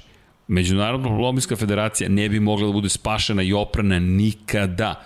Tako da imate i tu, tu vrstu reakcije isto kao i kada pričamo, ne znam, malo pre sam spominjao da da, apropo slanja u inostranstvo, čujte, razumemo i drugu stranu priče, ako mi tek tako možemo kao kompanija nešto da spakujemo i pošaljemo van zemlje, svašta tu može da se da se dogodi. To nije samo za Republiku Srbiju situacija. Ono što mi nismo znali da, ne, da mora kutija da bude, da ne može van kutije da bude, ako ste fizičko lice pa nas je to malo zbunilo, pa smo tu potrošili vreme, ali kažem ne zamerite nam, zaista učimo, brzo učimo, prilagođavamo se i ja, ja bih zaista hteo da kažem apsolutno veliko hvala. Mi smo ovde super emotivni. Hvala za sve divne poruke, za svu podršku koju dobijemo, toplinu koju mi osetimo prosto kad stignu neke, neke poruke i nećemo menjati naš stav po pitanju poruka koje šaljemo. Mazite se i pazite se i vodite računa jedni u drugima.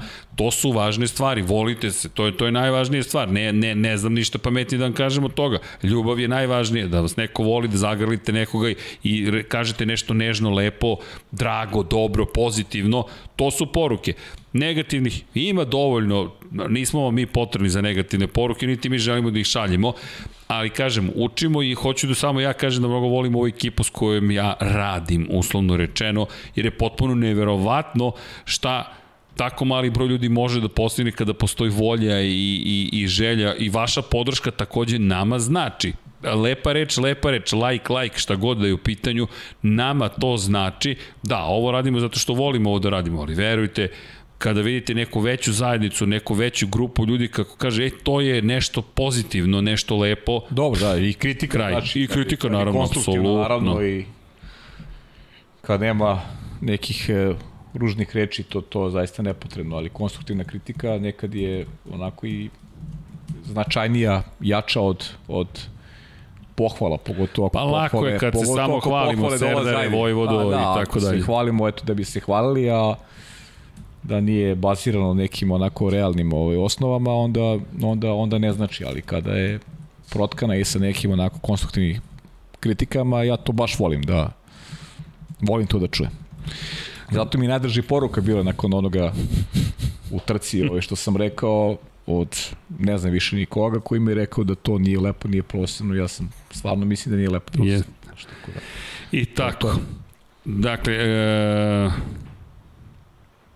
Kaže, Đera, prestanite, pričate, mazite se, pazite se da volite ekipu. Sa kojom radi, počnete da odgovarate ljudima na pitanja. A dobro, to ima. Ok, to, ima smisla. Ima, to ima smisla. Ima vršenje. Dakle, ljudi koji znaju da će na prvi drugi koji biti, biti kiše, odjednom nemaju pojma da će biti potop na spa.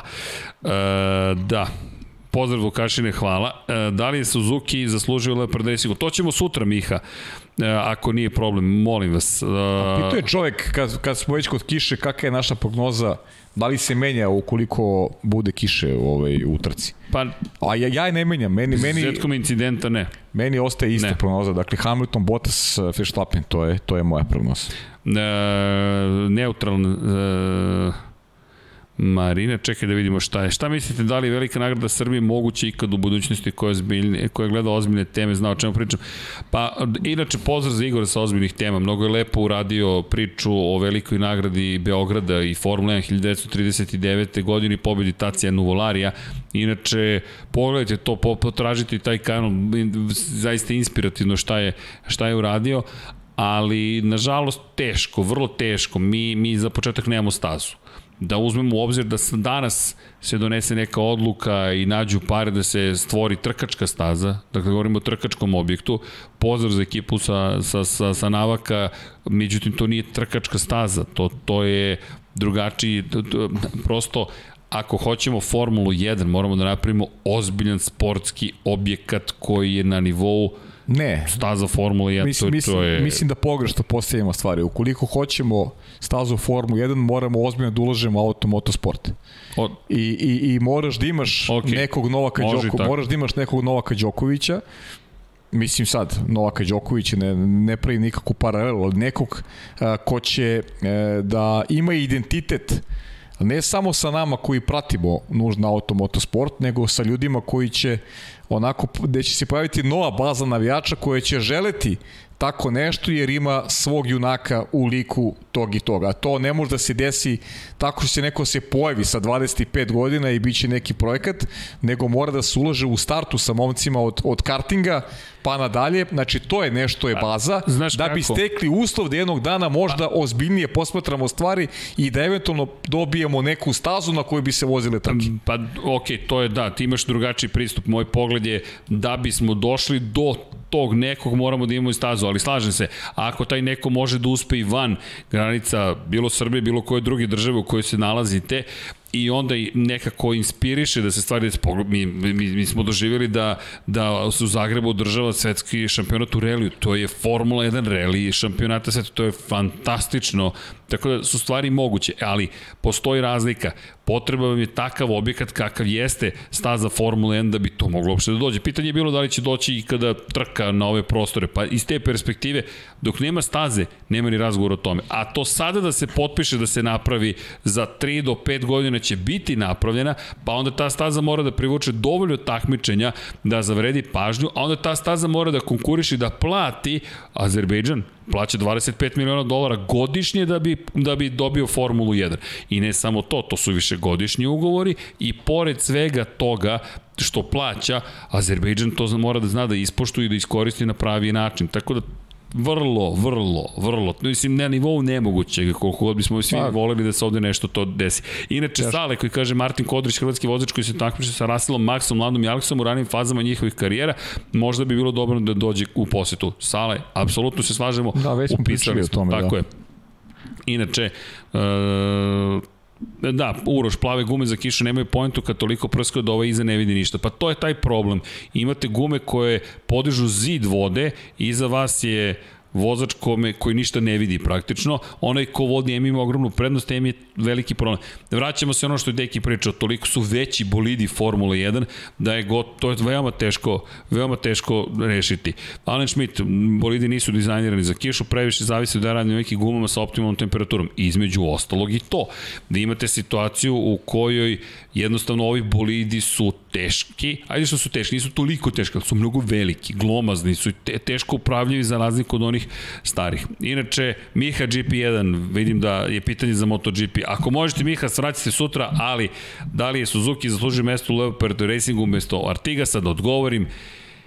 Da li je Suzuki? Pa to ne znamo, Artigas je prosto takođe imao lošu sezonu, ali znate kako, znate kako, kada gospodin Kotor izabere vozača, koliko god ja bio skeptičan, na kraju se ispostavi da i te kako zna šta radi. Bio sam skeptičan kada su doveli kombinaciju Andrea Locatelli, Fabio Quartararo, Joan Mir. Mir mi je delovao, delovao kao najozbiljniji vozač u toj grupi, Šta se desilo? Quartararo danas vodi u Moto Grand Prix-u, s druge strane Andrea Locatelli je postao šampion sveta u supersportu, Joan Mir u Moto 3 Moto Grand Prix kategorijama. Ako Kotor kaže, ne laže. Tako da neka ostane na tome oni, oni bolje to znaju.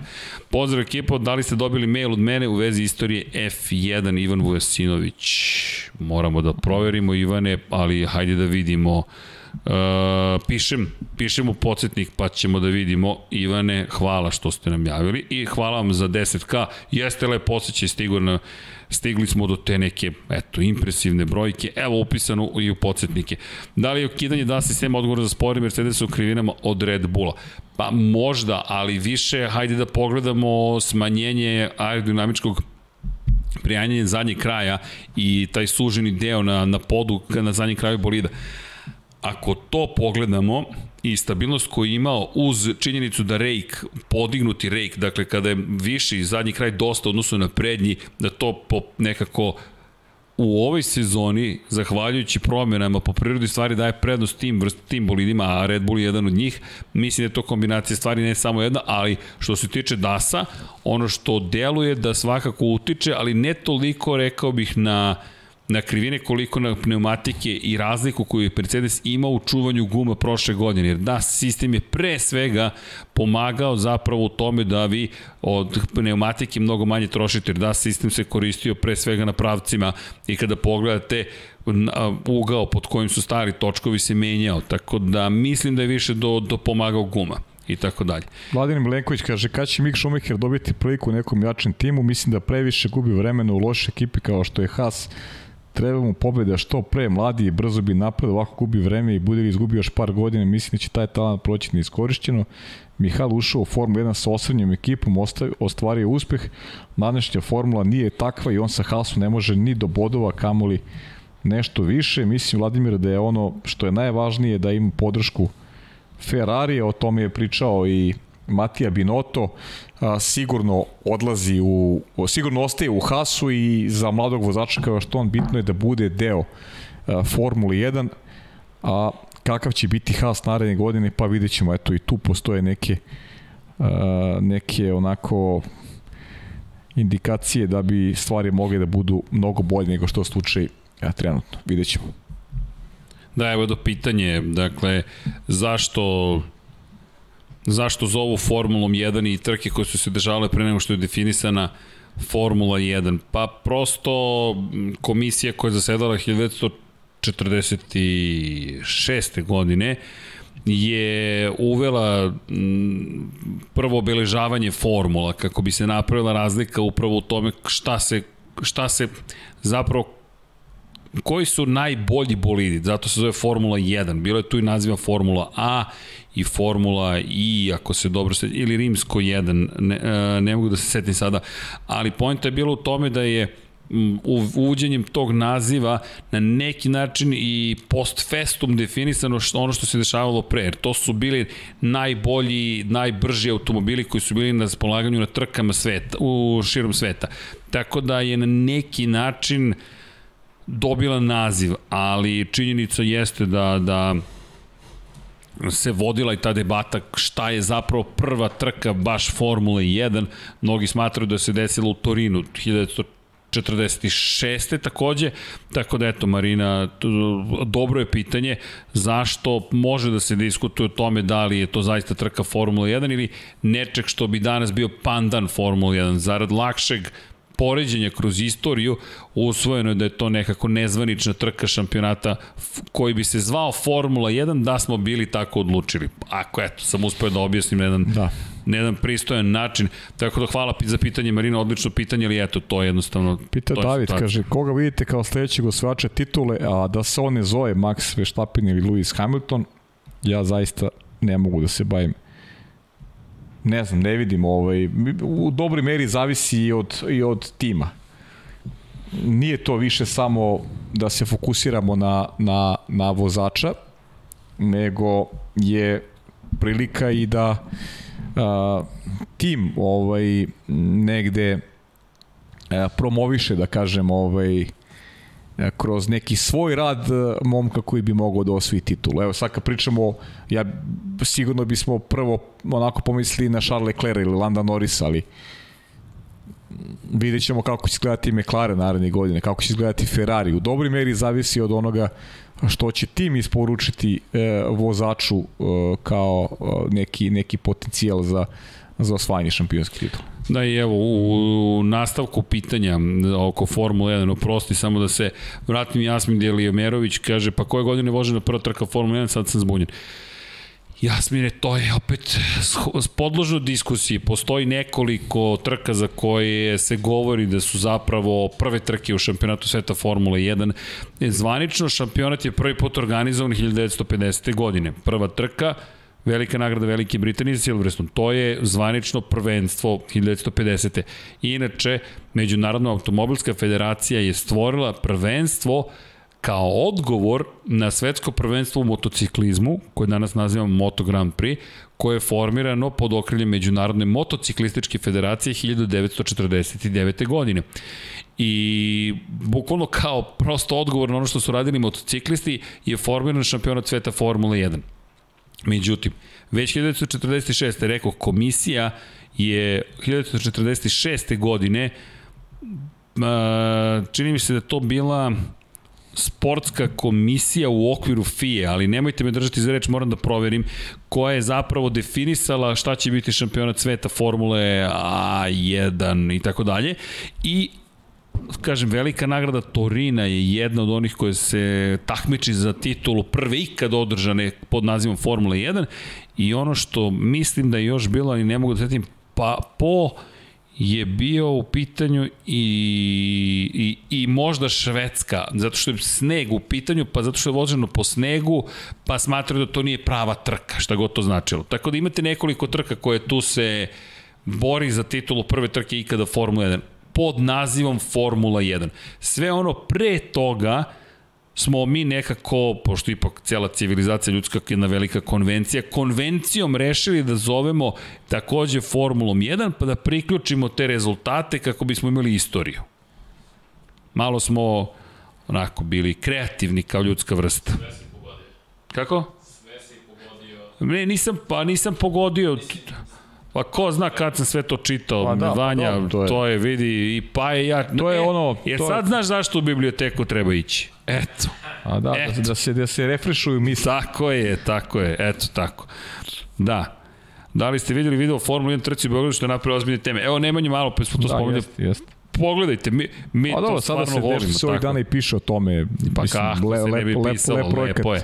Lepo je. Lep projekat koji je napravljen kroz analizu onoga što se dešavalo i treba se podsjetiti naravno tih detalja. Pa odatle i ta pitanja da li ima šanse. Jest. Mislim da nije realno definitivno, ali eto.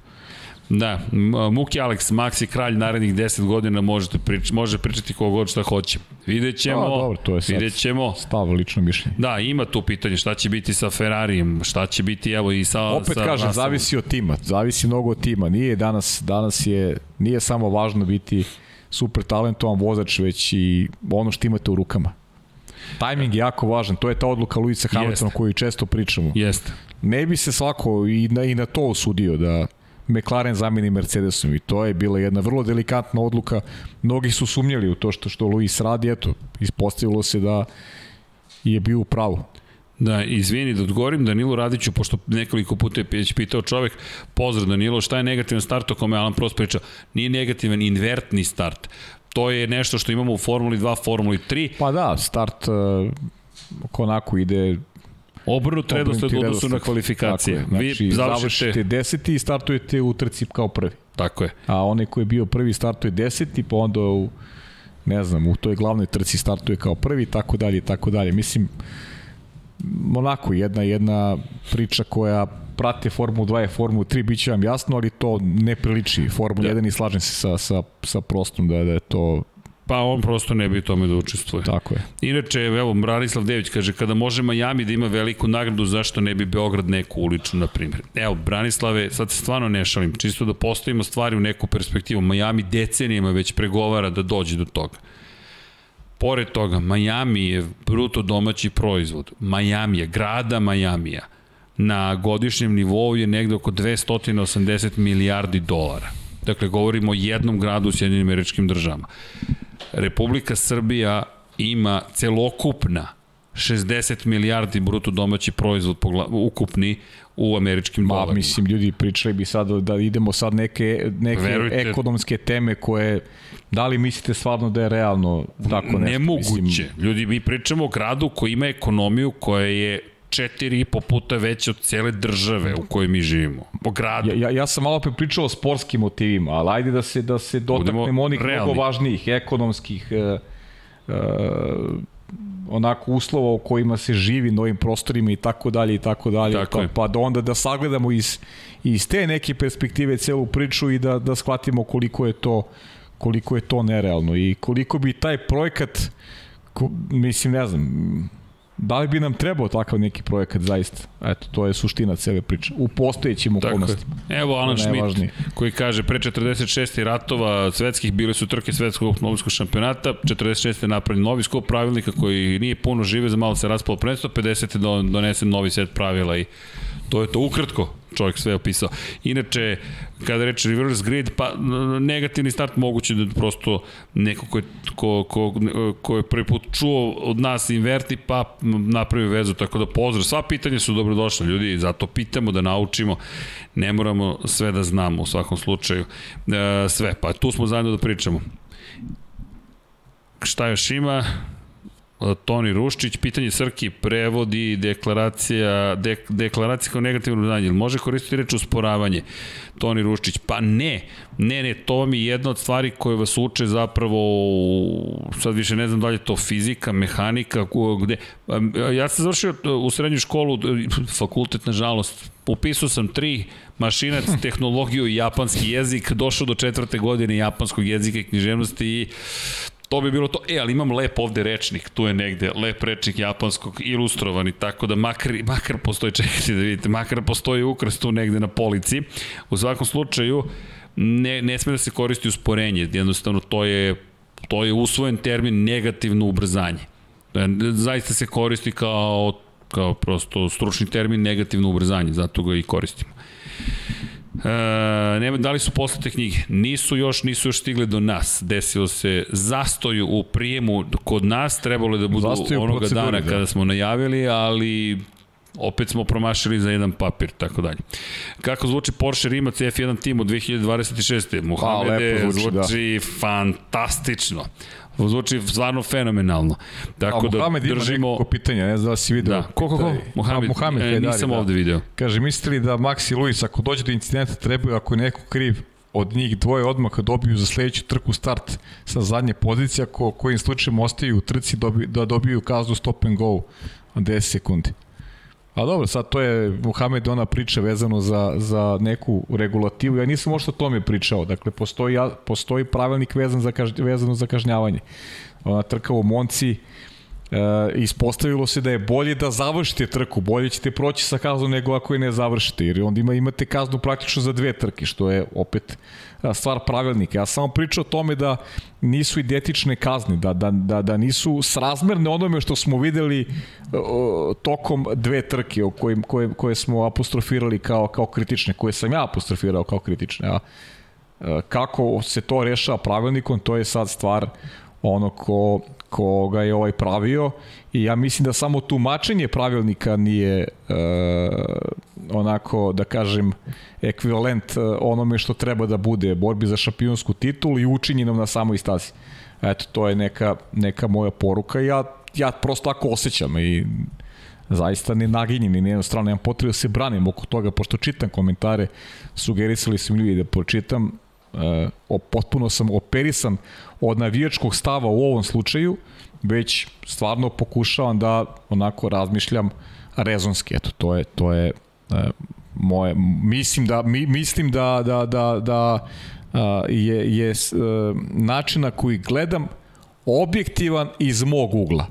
Da li jeste tako, pa vi procenite koliko je tako, da li mislite to ima, ja verujem da, na, da navijači jednog ali, i drugog misle ali, da je to onako ali vidi. Uh, u, u nekom, a ja znam da nije navijački, ali ako vi tako mislite, ja prosto ne mogu od toga da pobegnem. Zato je meni makar mnogo lepo i zabavno kada smo i Deki i ti ja na okupu, zato što te nijance u razmišljanjima da. nekako daju još dublju ili bolju sliku, makar se nadam da to postižemo, ali vi čujte, svi mi smo subjektivni, u većoj ili manjoj meri ili što god, ali navijački raspoloženi, to svakako nismo. Ne, ja, ja stvarno to, to, mislim, to, to, to mi je baš, baš ovaj, nemam, nemam, uh, rekao sam, ja, ja čak nisam gledao formu jedno vreme zbog Ertona Sene. Uh, ja, znaš, nemam više da. tu, tu vrstu emocije. Ja čak nemam tu vrstu emocije više prema klubu za koji navijam, u kom smislu emocije, pa ne pratim, prosto ne, ne doživljavam to lično više, kao što sam ga doživljavao kao klinec. Znaš, ne, znaš više ne bi onih, neš onih drugarskih, onih uh, šala, pošalica na račun uh, učinka. Misliš ne da je mnogo ozbiljno pa, postalo? Pa ne, nego, ne nešto da postalo ozbiljno, nego više nemaš tu strast. Znaš, vremenom... Pa možda je nama postalo Pa, pa de, pa nama, zato što, pa da, ali... Godine. Te, teško je godine. godine. To, pa zato i kažem, to je sve je proces. Znači. Ne, ne gledaš Jeste. stvari na, na, na isti način kao što si gledao ranije, to je da. to. Stefan Kralj, ovo još par samo, Srki pa šta mislite da će promjena pravila sledeće godine doneti neku značajnu promjenu u poredku timova? Da ne verujem značajnu, ali, ali doneće neku promjenu. Ne znamo. Doneće neku promjenu sigurno. Ne znamo, ali, ali, ali pokušat ćemo da shvatim, ne, ne možemo da shvatim, ne možemo, znate šta, ja ne mogu pre prve, ne prve, pre pete trke sezone naredne i što da kažem, kada, ako budemo bili u Melbourneu ponovo, ma ko može da kaže za Melbourne da je pa, pokazatelj stvari, pa, ljudi, to je prva pa, trka pa, u jednoj se, novoj Možda se pojavi eri. neki, možda se neki brom pojavi. Čekaj, ajmo ovako, da, Mercedes je pobedio u prvoj trci u hibridnoj eri. Ko je bio na pozicijama 2 i 3 posle diskvalifikacije Marka Webera? Da. Ne, Daniel Ricardo, izvinjam se. Ko je bio drugi i treći? Kevin Magnussen u McLaren Mercedesu i Jenson Button u McLaren Mercedesu. Znate koliko puta još Kevin Magnussen stajao na pobjedičkom postolju? Nula. A to je početak hibridne ere. Inače, svećica se pokvarila na Hamiltonovom bolidu na početku te ere ko može da kaže da Jest, je pa to da, pokazatelj stvari, mislim... tako da moramo da sačekamo svi zajedno bar prvih pet trka, pa ćemo onda, zna, onda znati. Inače, evo pitanje Igor Der, šta se događa sa Robertom Švarcmanom? evo, video sam. Pa dobro, da. Pa, dobro je pitanje. Robert Švarcman je u sve boljoj formi, ako je pitanje ozbiljno, shvatio sam da jeste, ili tako? U sve boljoj formi i ne znamo kakva je projekcija oko ulaska u Formulu 1. Znate da je imao tu ličnu tragediju da je ostao bez oca koji mu je bio najveća podrška i osetilo se to i kroz rezultate, prosto trebalo je momku da, da se vrati u neki, neki ritam, sportski ritam, da se fokusira na ono što se dešava na stazi i mislim da to dobro radi u drugom delu sezone, ali da li ima prohodnost u Formu 1, o tome se ne govori uopšte. I da, pazi, sad ne pa, pazi sad njega, uopšte. ukoliko recimo bude šampion u Formule 2. Pa njemu je boje da ne bude šampion Formule 2, da ostane u tom takmičenju naredne godine. Kakva je? Pa nik, niko više ne priča njemu. Čak je prošle godine bilo nekih priča. Sećaš se, Alfa Romeo, Haas, da se tu tražilo neko mesto za Roberta Švarcmana, sada više se i ne govori o njemu. Da. Ali dobar vozač, nesporno dobar vozač. Evo kaže Milutin, Erceg je spomenuo Markeza za vikend 100 puta za četiri kruga, ali mislim da nije njegov vozač. E, Milutine, ja sad tražim da vi to izmerite i da pošaljete snimak da sam spomenuo 100 puta. Pozdravite jedan restoran. Kako me pozdravio? Restoran jedan koji tvrdi da sam navijač Valentina Rosija. Eto. Pa da, ja sam navijač Valentina Rosija. Eto, ljudi odgovorno tvrde da sam navijač Valentina Rosija i da to, i da, ali da će mi to nekako oprostiti. Ja, ja sam navijač Valentina, Svako čuje Valentina da Rosija, da ali, ali zato i ne radim MotoGP, ja, sam, ja sam navijač Valentina Rosija. Po činjenicu da se čovjek nije borio za pobedu, ali mislim da sam spomenuo Banjaju i rekao bih Eneu Bastianinija. Eneu Bastianinija sam spomenuo 6000 puta, spomenuo znači, 14, apsolutno. Šta ti je? Mišljenje Kalu Ajlotu u Indikaru. Veljko, A dobar pa, vozač. Dobar Do, dobro vozio da prošle vidimo. godine. Tako dobro je. vozio prošle godine. On je bio najveći rival Miko Schumacher realno za šampionsku titul. Da, ja generalno, pa, pa evo sad i Roman Grožan koji se pojavljuje u, u jednoj priči koja je potpuno drugačija.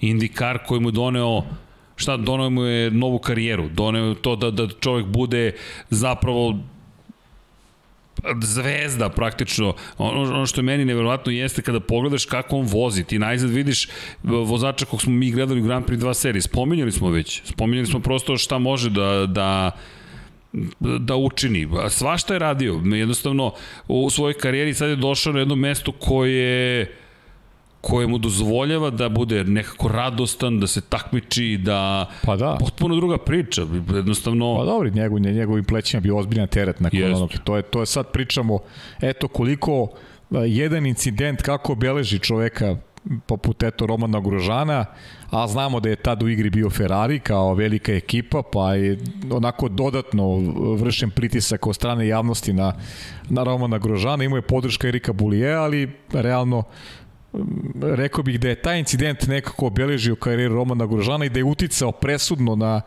na ono što smo gledali u, u budućnosti. Da, ali lepo je. Više po nekoj negaciji, eto, se, se onako pratila karijera Romana Grožana jer eto, pa sad dobija po podršku mnogim... sa tribina, pazi, on kaže, meni dođe da se rasplačem što je. me ljudi pozdravljaju sa tribina. I kaže, nije to samo pitanje odnosa, imate navijače, ako su navijači tu, pa imate gledanost na TV-u, pa ako imate gledanost na TV-u, imate sponzora, imate posao. Ne, ne, dobijamo emocije. Pa ne, Indikar je stvarno ozbiljno, ja mi pratimo NASCAR godinama, ali ja nekako onako indikar najviše vredno i mi volim da... Ba, poseban je, poseban a ono što je nevjerojatno, on, on koji je počeo da priča, klinci treba da sanjuju da voze u indikaru, a ne da voze u Formuli 1, pošto dobijate veće šanse. Ali čujte, to naravno je jedna strana medalje. Formula 1 i dalje ostaje vrh sveta. Vrh piramide. Da. Tako je. I da je uspeo u Formula 1, Nešto mi govori da bi drugačije pričao, ali sve je to okej. Okay. Ok, ljudi, uh, prođe ponoć, to je evo nas još malo... Pa da, tri sata. Nisam očekivao da ćemo uliko da, da. da trajimo večeras, ali... Ali nekako, eto, lepo, ponelo lepo nas. Lepo se raspriča smo, da. Jeste. E, kada govorimo o nastavku druženja, sledećeg utorka se naravno nalazimo kao Formula 1 ekipa. Kada govorimo o Moto Grand Prix, sutra uveče se družimo. Nadam se da će deki stići kada je reč o 99 yardi, u petak se družimo, neko je pitao za SK NFL u četvrtak od 16, u sredu, izvinite, od 16H, zvanje me da. gleda. I ja da isto kad je pod kapicu pitanje e, četvrtak, to, dakle, to, to, to. imaćemo Miloša Koroliju, selektora mlade reprezentacije Srbije koja je osvojila zlatnu medalju na e, Evropskom prvenstvu. ne spomenuh, ali kucajte podkapicom.com pa ćete imati redirekciju, dakle podkapicom.com i onda redirekcija trebalo bi sada da radi, da je podešena vas vodi na, na kanal našeg dragog Pavla Živkovića pod kapicom, ukoliko ne, ukucajte pod kapicom u YouTube i naći ćete jedan od najlepših jednu riznicu vaterpolo razgovora, ko voli vaterpolo, ne postoji bolje mesto, odgovorno tvrdim na ovim prostorima od pod kapicom i ne samo što pa sedi tu, već zato što to zaista je nešto neverovatno što se tamo nalazi, tako da se nadam da ćete uživati. Što se tiče Velike nagrade Rusije, pa pratite SKHD i Formula 2 i Formula 3. NASCAR će takođe biti da. ovoga vikenda. Jeste, nastavlja se pritom, eto ono što je, što je dobro iz neke, nekog ugla i tvog i mog, nema poklapanja sa, sa MotoGP-em, pa ćemo zajedno uživati da. o svemu onome što se dešava u Sočiju. Tako je. Da. Da, evo. Formula 1, Formula 2, Formula 3, sve direktno i ekskluzivno na Sport klubu HD. Formula 76 kada stigne, onda smo onda smo pobedili, pobedili ceo svet. pobedili smo ceo svet, a da. to možemo samo sa, sa vama. Nego, pre nego što se pozdravimo, šta uvek volimo da kažemo? Pa naravno da se mazite i pazite i naravno da vodite računa jednim drugima i vozite računa jednim drugima i budite dobri. Danas je dan, svetski dan borbe protiv Alzheimerove bolesti radite na svojim glavama, ne šalim se, ponekada to zvuči, mi volimo da bude opuštena atmosfera kao da možda ne shvatamo dovoljno ozbiljno, ali ne šalim se, čitajte, rešavajte zagonetke, igrajte sudoko, nađite nešto što vas zabavlja i aktivira mozak, zaista je neophodno. Posle, će, posle previše kasno, aerobne vežbe takođe pomažu kada je reč o Alzheimerovoj bolesti, nismo dovoljno stručni, tako da potražite stručnu literaturu, ali to je nešto što može, na, nažalost, svakog od nas da, da, da snađe, tako da postoje način da se borimo. Igrajte, kažem, kvizove, ne znam, upalite kviz poznavanja Formule 1 i zabavite se, to aktivira vijuge. Pored toga, meseci prevencije samobistava, pozovite nekoga koga dugo niste, čisto tek tako, ne znači da razmišlja o, o tako teškim temama, ali ko zna šta nam se sve mota po glavom, svi prođemo teške trenutke, budemo jedni drugima tu, to je lepo. Ja znam koliko puta je mene makar Formula 1 podigla i, ili Moto Grand Prix dođete da radite komentarisanje, neke privatne stvari nam se dese koje nisu idealne i onda dođete i radite nešto tako neverovatno ili vas dočeka gospodin Pavle Živković i prosto se nasmijete i kažete je, ok, sve, sve će biti ok ako ništa drugo. Sva što smo prošli za ovih 10 godina yes, i, i dalje smo tu i bit ćemo, ja se nadam, još dugo tu, tako da, eto, malo nežnosti nije zgoreg ukoliko razmišljate o nekim teškim stvarima, hej, Ako ste naišli na nas, pa nam se da mi je bilo makar zabavno, mi volimo da se smemo čak i kada je teško, zašto? Pa uvek postoji neko svetlo tamo negde i, i težimo tom svetlu, zato se zovemo Infinity Lighthouse. Neko svetlo tamo negde u daljini, neka dobra ekipa se tu skupila, nadam se, pa radi neke lepe i zabavne stvari. Udrite like, to je, čost, to je zabavno takođe, ili subscribe, patreon.com kroz Infinity Lighthouse, ukoliko želite da nas podržite već nas podržavate, ali to je još jedan način da nam pomognete da nastavimo da se razvijamo, rastemo, radimo neke još bolje, novije stvari ili da ponavljamo stvari koje su dovoljno dobre da budu ponovljene. Takođe, ukoliko možete posetiti našu prodavnicu infinitylatcast.com kroz shop, tamo je delo crveno i crno Dekija Potkonjaka. Izdali smo prvu knjigu, ljudi, fenomenalno. Imate Kimi Special majice, Lab 76 majice, Kosmos majice. Sve što dajde napravimo i pod kapicom. Pa... Ja mislim da je to sad rešeno. Pa ima, ja, imam, pa ima, ali samo pa ima. Imam, imam, da. U, Moramo polo da nađemo za njega. Unikatno, unikatno. Ne, ne, polo, polo. Pod kapicom samo polo majice. Zna se, Kako? Da, da i ti. Pa, pa hvala vam, pa, pa gde je moja majica? U toj da. celoj priči. Gde, gde je Sarina, mora i Sardin. Gde je Sarina majica? Tako je. To, to je još važnije pitanje. Inače, da. obratite pažnju na mladu novu zvezdu damu, Saru Radović, pa eto, pratite pod kapicom, pratite Infinity Lighthouse, Lab 76 i sve ostalo što snimamo i volimo da radimo. Nadam se da ste oživali, nas dvojice svakako jesmo. Evo jedan poljubac iz studija na kraju univerzuma i Ćao, Ćao svima. Uživajte.